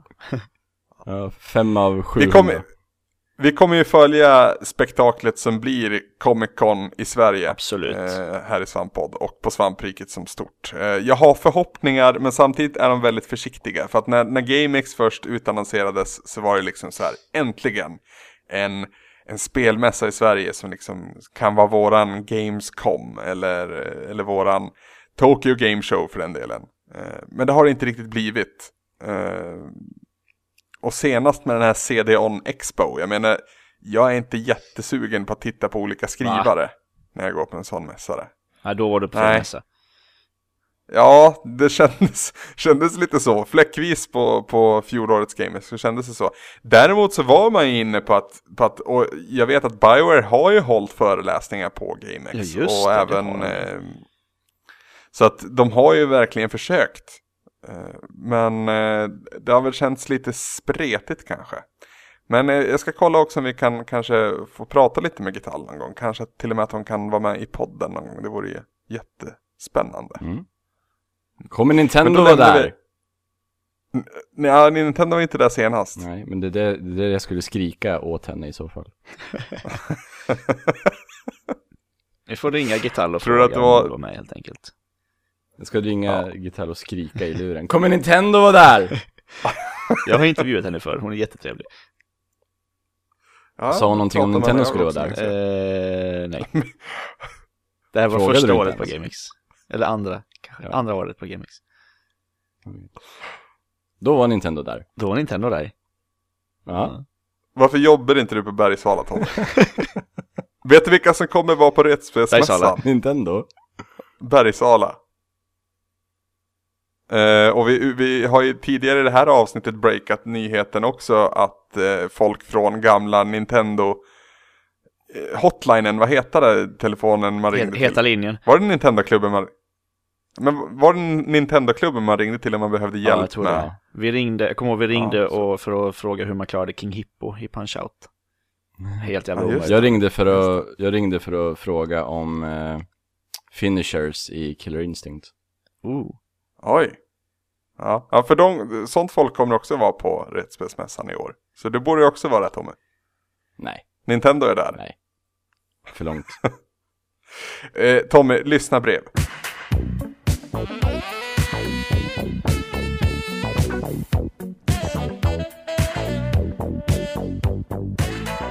Då är det första brevet från eh, Anders i Luleå. Hej Anders. Oh, fint namn Anders. Han börjar... Jag har varit i Luleå en gång och det var, det var en väldigt trevlig vistelse, måste jag säga. Det var kallt. Jättefint. Det var det överallt. Sa vi. Umeå? Ja. Luleå. Nej, Luleå. också. Där är det inte Jag har aldrig varit i Umeå, men det är Jag säkert har aldrig varit i Luleå, det är säkert också. jättefint där. Hej svampriket! Hej. Jag funderar över att någon gång skaffa ett nytt DS. Men vilket ska man välja? Jag sitter och funderar om jag ska köpa mig en 3DS XL eller en 2DS. 3D-funktionen är för mig inte speciellt viktig. Tycker det känns jobbigt för ögonen att titta på den. Med tanke på att en 2DS är så mycket billigare än en 3DS XL så väger det ganska tungt men är den då mycket sämre? Är det bara en billig plastmoj som Nintendo stressade ut för att kunna ge de yngre spelarna tillgång till 3DS-spelen utan att fördärva ögonen? Eller är det något att ha?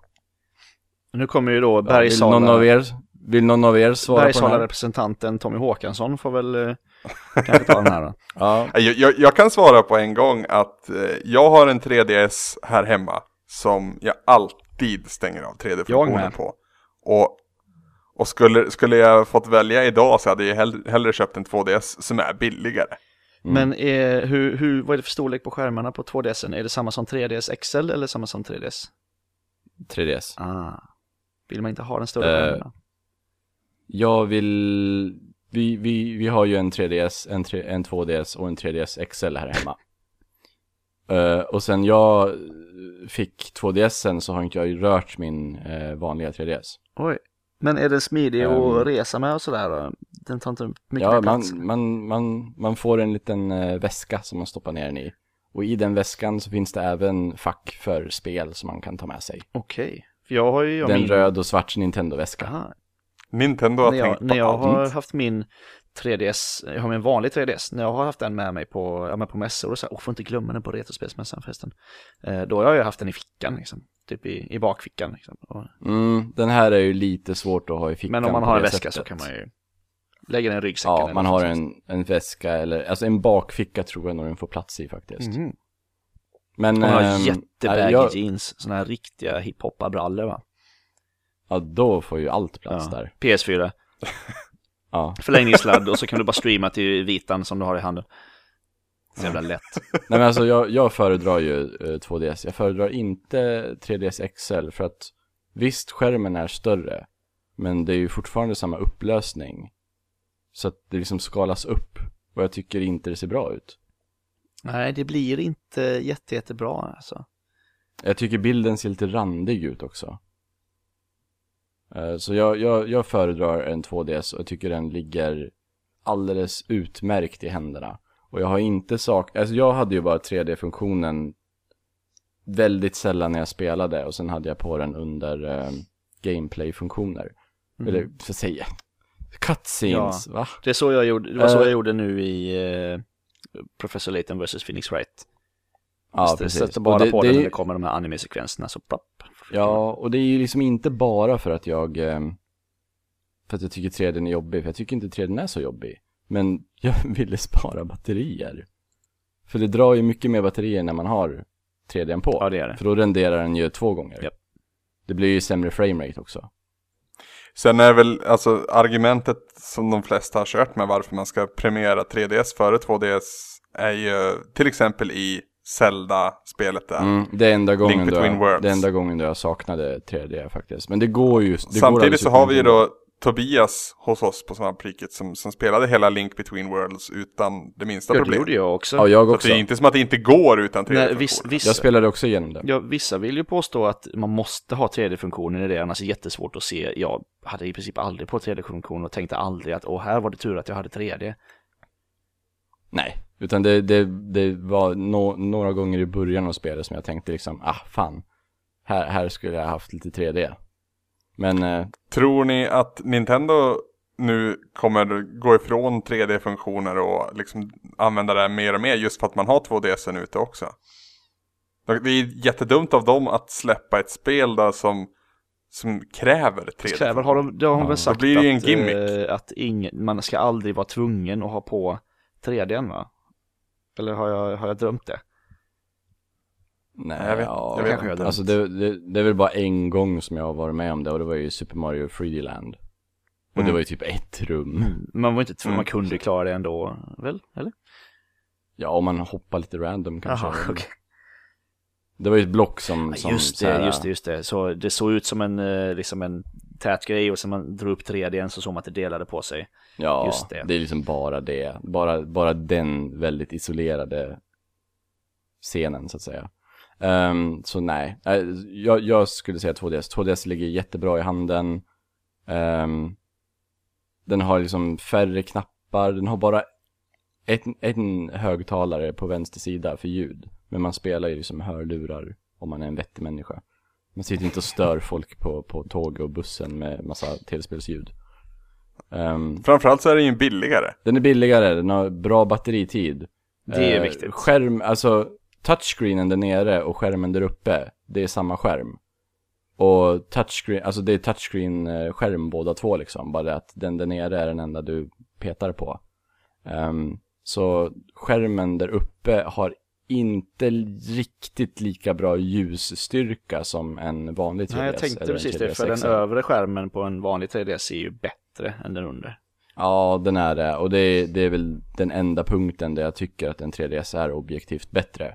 Men det är, som, det är, det är ju fortfarande bra skärm liksom. Det är ingenting man tänker på.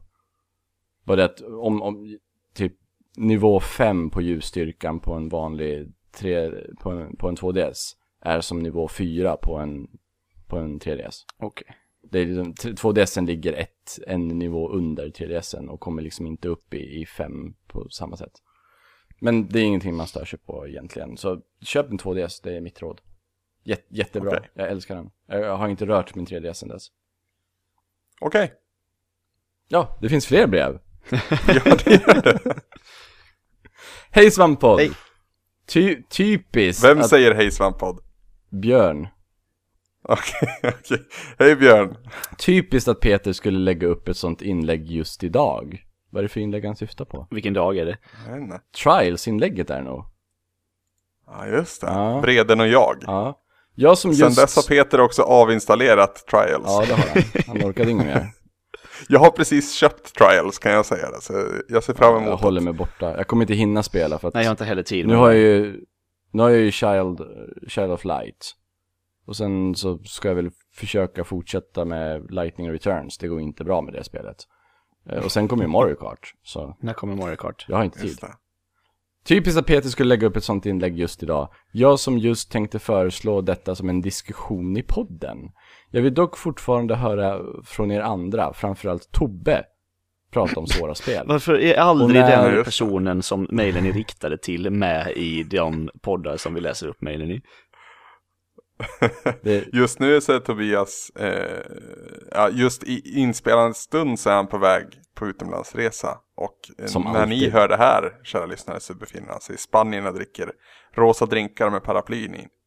ja. Var går gränsen mellan spel som bara är elaka och dåligt svåra och bra men fruktansvärt utmanande? När går det för långt? När ragequittar ni? Tintin behöver ni inte ens ta upp. Det skulle jag Nej. vilja höra om i bonuspodden. Jaha, vi får inte prata om det här, vi måste prata om det i bonuspodden. Äh, var det inte Tintin han ville höra i bonuspodden? Nej, Eller var det allt det där han ville höra Jag tror det var allt, nej det kanske bara var Tintin. Men vi kan väl säga så här, vi kommer inte ha ett bonusavsnitt i denna veckans Nej, för klockan är så här skörd. 12 på natten. Ja, precis. Och det är svårt att få ihop någonting. Så att vi får helt enkelt hoppa över bonuspodden den här veckan. Men av den anledningen så kan vi väl ta det här och nu då istället.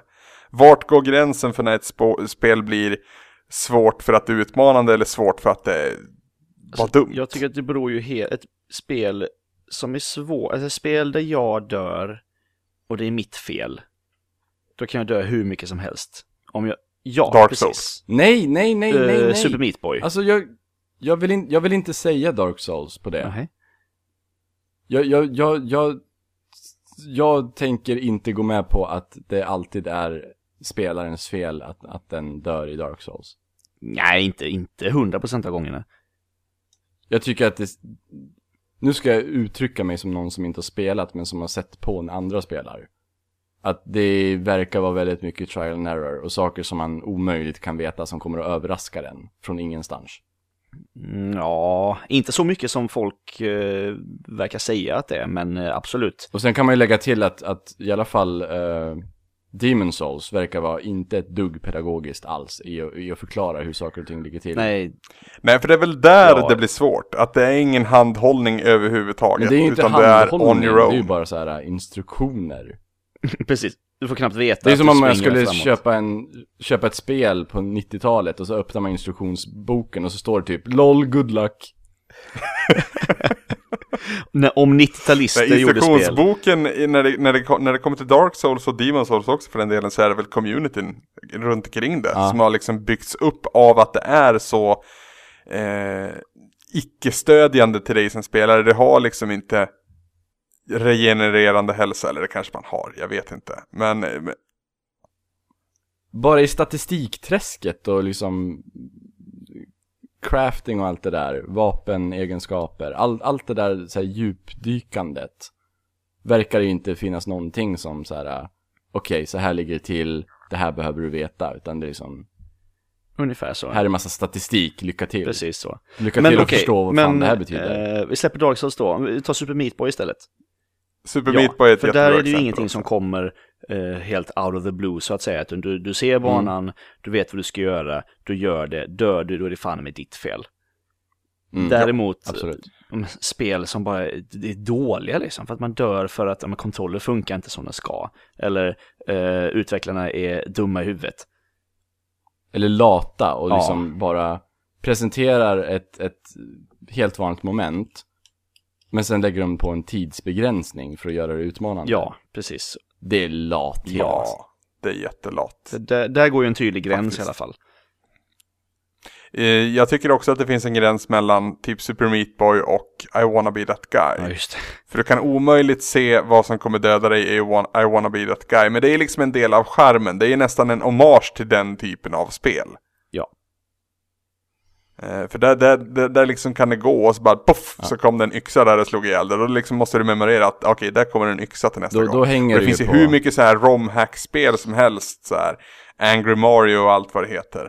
Då hänger det ju på checkpoints i det här spelet, för jag vill ju inte börja Ja. om från början. Nej, nej, och där är det ju tänkt att du ska bli förbannad och, och frustrerad liksom. Och Det är ju hela det poängen det med Det det. är ju inte kul, tycker jag. Nej, det är inte för dig med andra ord, men det finns ju en marknad för det uppenbarligen i och med att de fortsätter komma. Men eh, det, det värsta jag vet, det är ju trasiga spel. Eh, och det kan ju vara liksom spel som inte är vidare svåra egentligen. Där, där, vill, där du som spelare vill göra någonting väldigt enkelt. Men utvecklarna har gjort det så jäkla svårt för dig att göra det där enkla. Det är det värsta jag vet. När spelet bara är fel. Mm. Då, då, då, då kan jag få psykbryt på det. Då, då blir jag så här att jag vill Hulk-smash liksom. Då, då vill jag ha sönder saker. Jag vill att en massiv sak ska bli spillror. Du vill slå sönder Jared Letos ansikte. Nej, snarare så är det väl att jag, det har hänt. Och det här är ju någonting man kanske inte ska erkänna i det, all, all offentlighet. Men det har hänt att jag liksom har brutit av skivor mitt i Va? tug. Och då har jag mått Jag har aldrig bra haft sönder efteråt. någonting på grund av eh, gamer rage. Nej, inte jag heller. Jag vet att jag till exempel skulle spela Terminator Salvation till Xbox 360 och plocka enkla achievements. Och det här spelet var så jävla dumt och trasigt och fel och Och konstigt. svenskutvecklat. Svenskutvecklat också och jätteintressant story bakom, bakom det. För den studien la, la väl ner sen va? Mm. Stod du och så här rageade som, som Christian Bale då? Typ Oh god!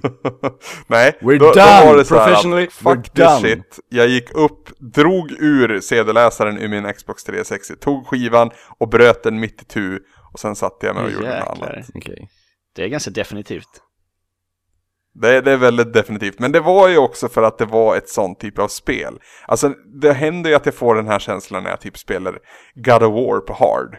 Och, och där känns det ibland som att, ja men där skulle inte jag ha dött. Det var inte mitt fel att jag dog. Det var de här fienderna som var fast i någon jävla motion där jag helt enkelt hade kunnat ducka för den här attacken men av någon anledning så vill inte spelet ge mig det. Och då får jag den där impulsen igen men då vet jag att God of War är ett bättre spel liksom. Det är, jag har mer förtroende för det här spelet. I Terminator Salvation så visste jag att det var ett skitspel där jag bara ville ha enkla achievements. Och då var det enkelt att liksom bara göra det definitivt för mig. För det jag gör då egentligen det är att jag omöjliggör mig själv möjligheten att fortsätta spela det här spelet. Ja, Jag gillar inte svåra spel. Jag tycker, jag tycker det här, äh, den här gamla regeln att spel ska vara utmanande är lite för ihärdig. Bland väldigt många. Jag gillar ju, Jag, jag, håller med. Jag vill att spel även, alltså det ska finnas både och. Men ett spel ska även bara vara liksom en, en upplevelse där jag bara är sysselsatt och inte behöver vara utmanad. jag håller med. jag tycker väl att balans är det viktigaste som Jag vill, finns. jag vill ofta inte behöva göra om eh, sektioner i spel. Men, but then Dark Souls liksom. Jag vet inte vad som hände där. det, bara, det bara kom och såg och besegrade mig. Ja men det, det känns väl också som att när du går in i Dark Souls så vet du vad du ger dig och det in visste på. jag ju redan, redan innan. Hade jag, in, hade jag tänkt att det var ett helt vanligt tredjepersons action-RPG, då hade jag blivit helt vansinnig. Då hade- Då hade jag ju nog knäckt skivan förmodligen. Jon tipsar om eh, dokumentären Grounded. The making of the last of us. Just det, just det. Det fick vi på mail idag faktiskt, Mm. fredag. Och jag tror till och med att jag svarade Jon och sa att det ska jag titta på ikväll. Jag tror Eh, också jag har inte tittat på den än. På det faktiskt. Jag har också börjat Mm. kika typ tre minuter. Så det, Preview. preview, freeview. Mm. Det var en eh, pre-sequel. Men det är en, en, en gratis dokumentär, alltså det, den finns på YouTube Det va? finns på YouTube. Ja, så det är bara, det är bara att kika. Mm. Eh, och jag orkar nog inte lägga upp en länk, så ni får helt enkelt googla Grounded Last of Us Ja, eh, YouTube. det är inte så svårt. Grounded, The Making of the Last Ehm, of Us. Nu vet jag inte om den här personen som har skrivit in här heter Fläskfight. Eller om personen bara råkade trycka G istället för H. Och det egentligen ska vara Flashfight. Fläsk, fle, fläskfight eller Flashfight. Vad, vad tror ni? Fleischgefeit. Ja, Det måste G och H ligger ju bredvid varandra så att Ja, nej. det är inte jätteomöjligt att det kan ha varit så. Nej, Tommy. nej. Bra podd som vanligt, vill dock påpeka eh, det här med att Sony snor konceptet från Oculus Rift med sitt Project Morpheus. Sony har varit på huvuddisplayer ett par år med HMZ-TI, T2 och T3. Alltid till för höga priser. Alltid till för höga priser. Mm. Kanske jag ska uttala det. Eh, de var inte först med det heller. Men sen, men, men redan med T1 diskuterades det om de skulle släppa det till Next Gen. Var även folk som moddade T1 och körde Skyrim med head tracking. Keep on podding. Okej. Ja, alltså det, det är klart att Sony må ha varit före Oculus i den aspekten.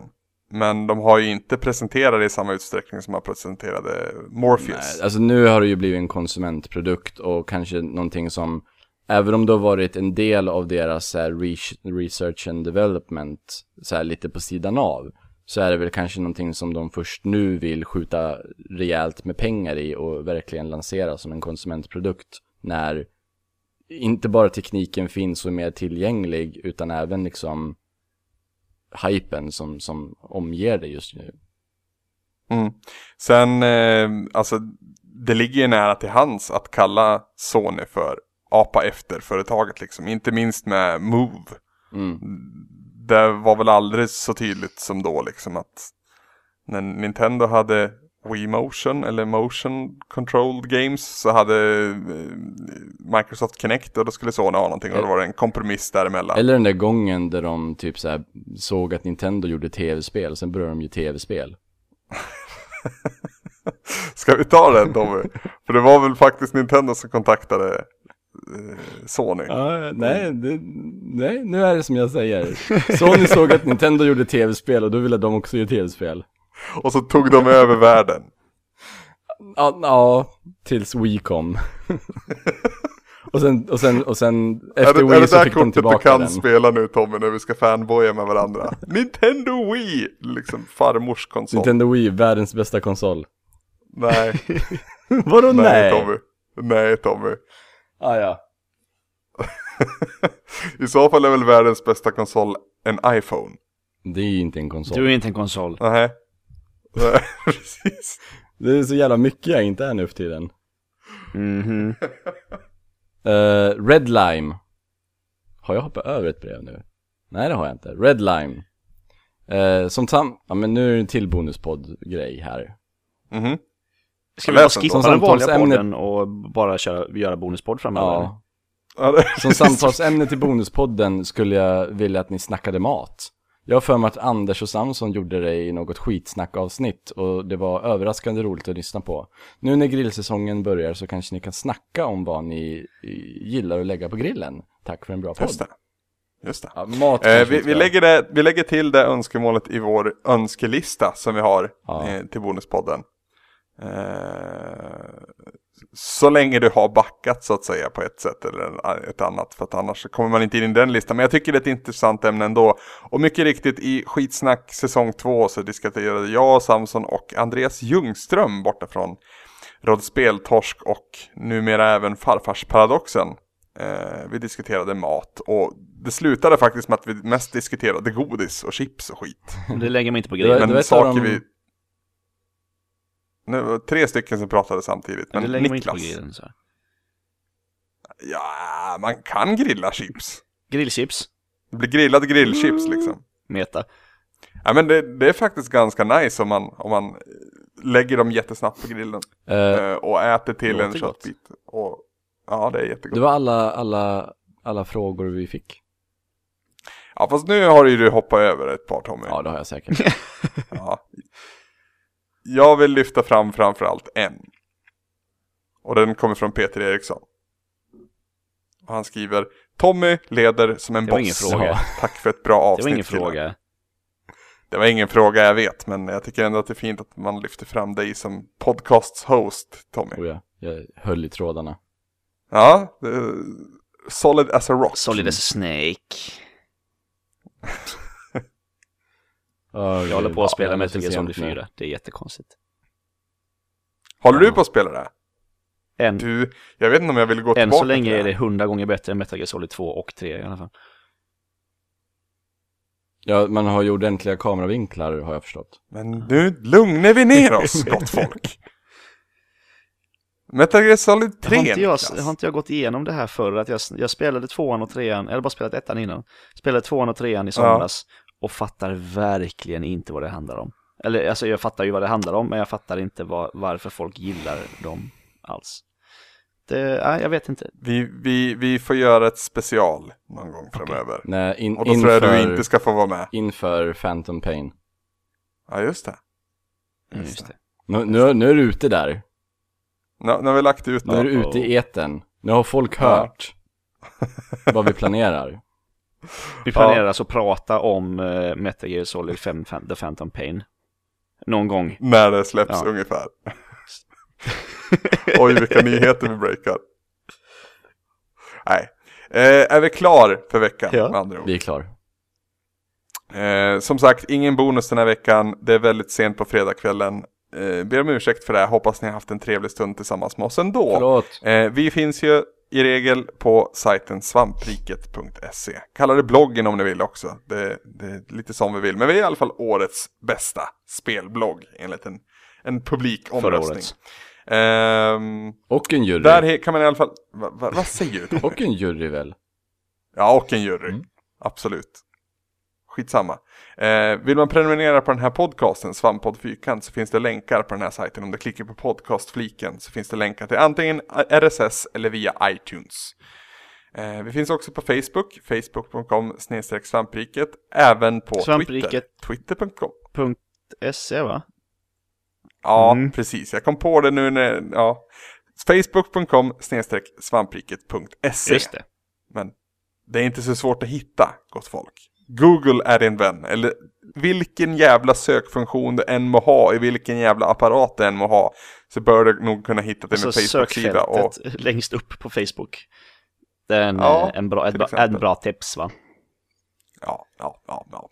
Men Twitter.com också, snedstreck svampriket, eh, eller under at svampriket, eller under hashtaggen svampriket, eller under hashtaggen svamppodd med två p. Finns även på Instagram, at svampriket. Vi finns också på YouTube. Gilla, kommentera, prenumerera. ja, eh, vi försöker lägga ut allting där. Eh, allting Allt. stort att lägga ut. Allt vi kommer över. Men vi försöker lägga ut så mycket vi bara kan där. Vi har en ny Powerplay-säsong som precis har startat. Kommentera och dela och prenumerera för tusan.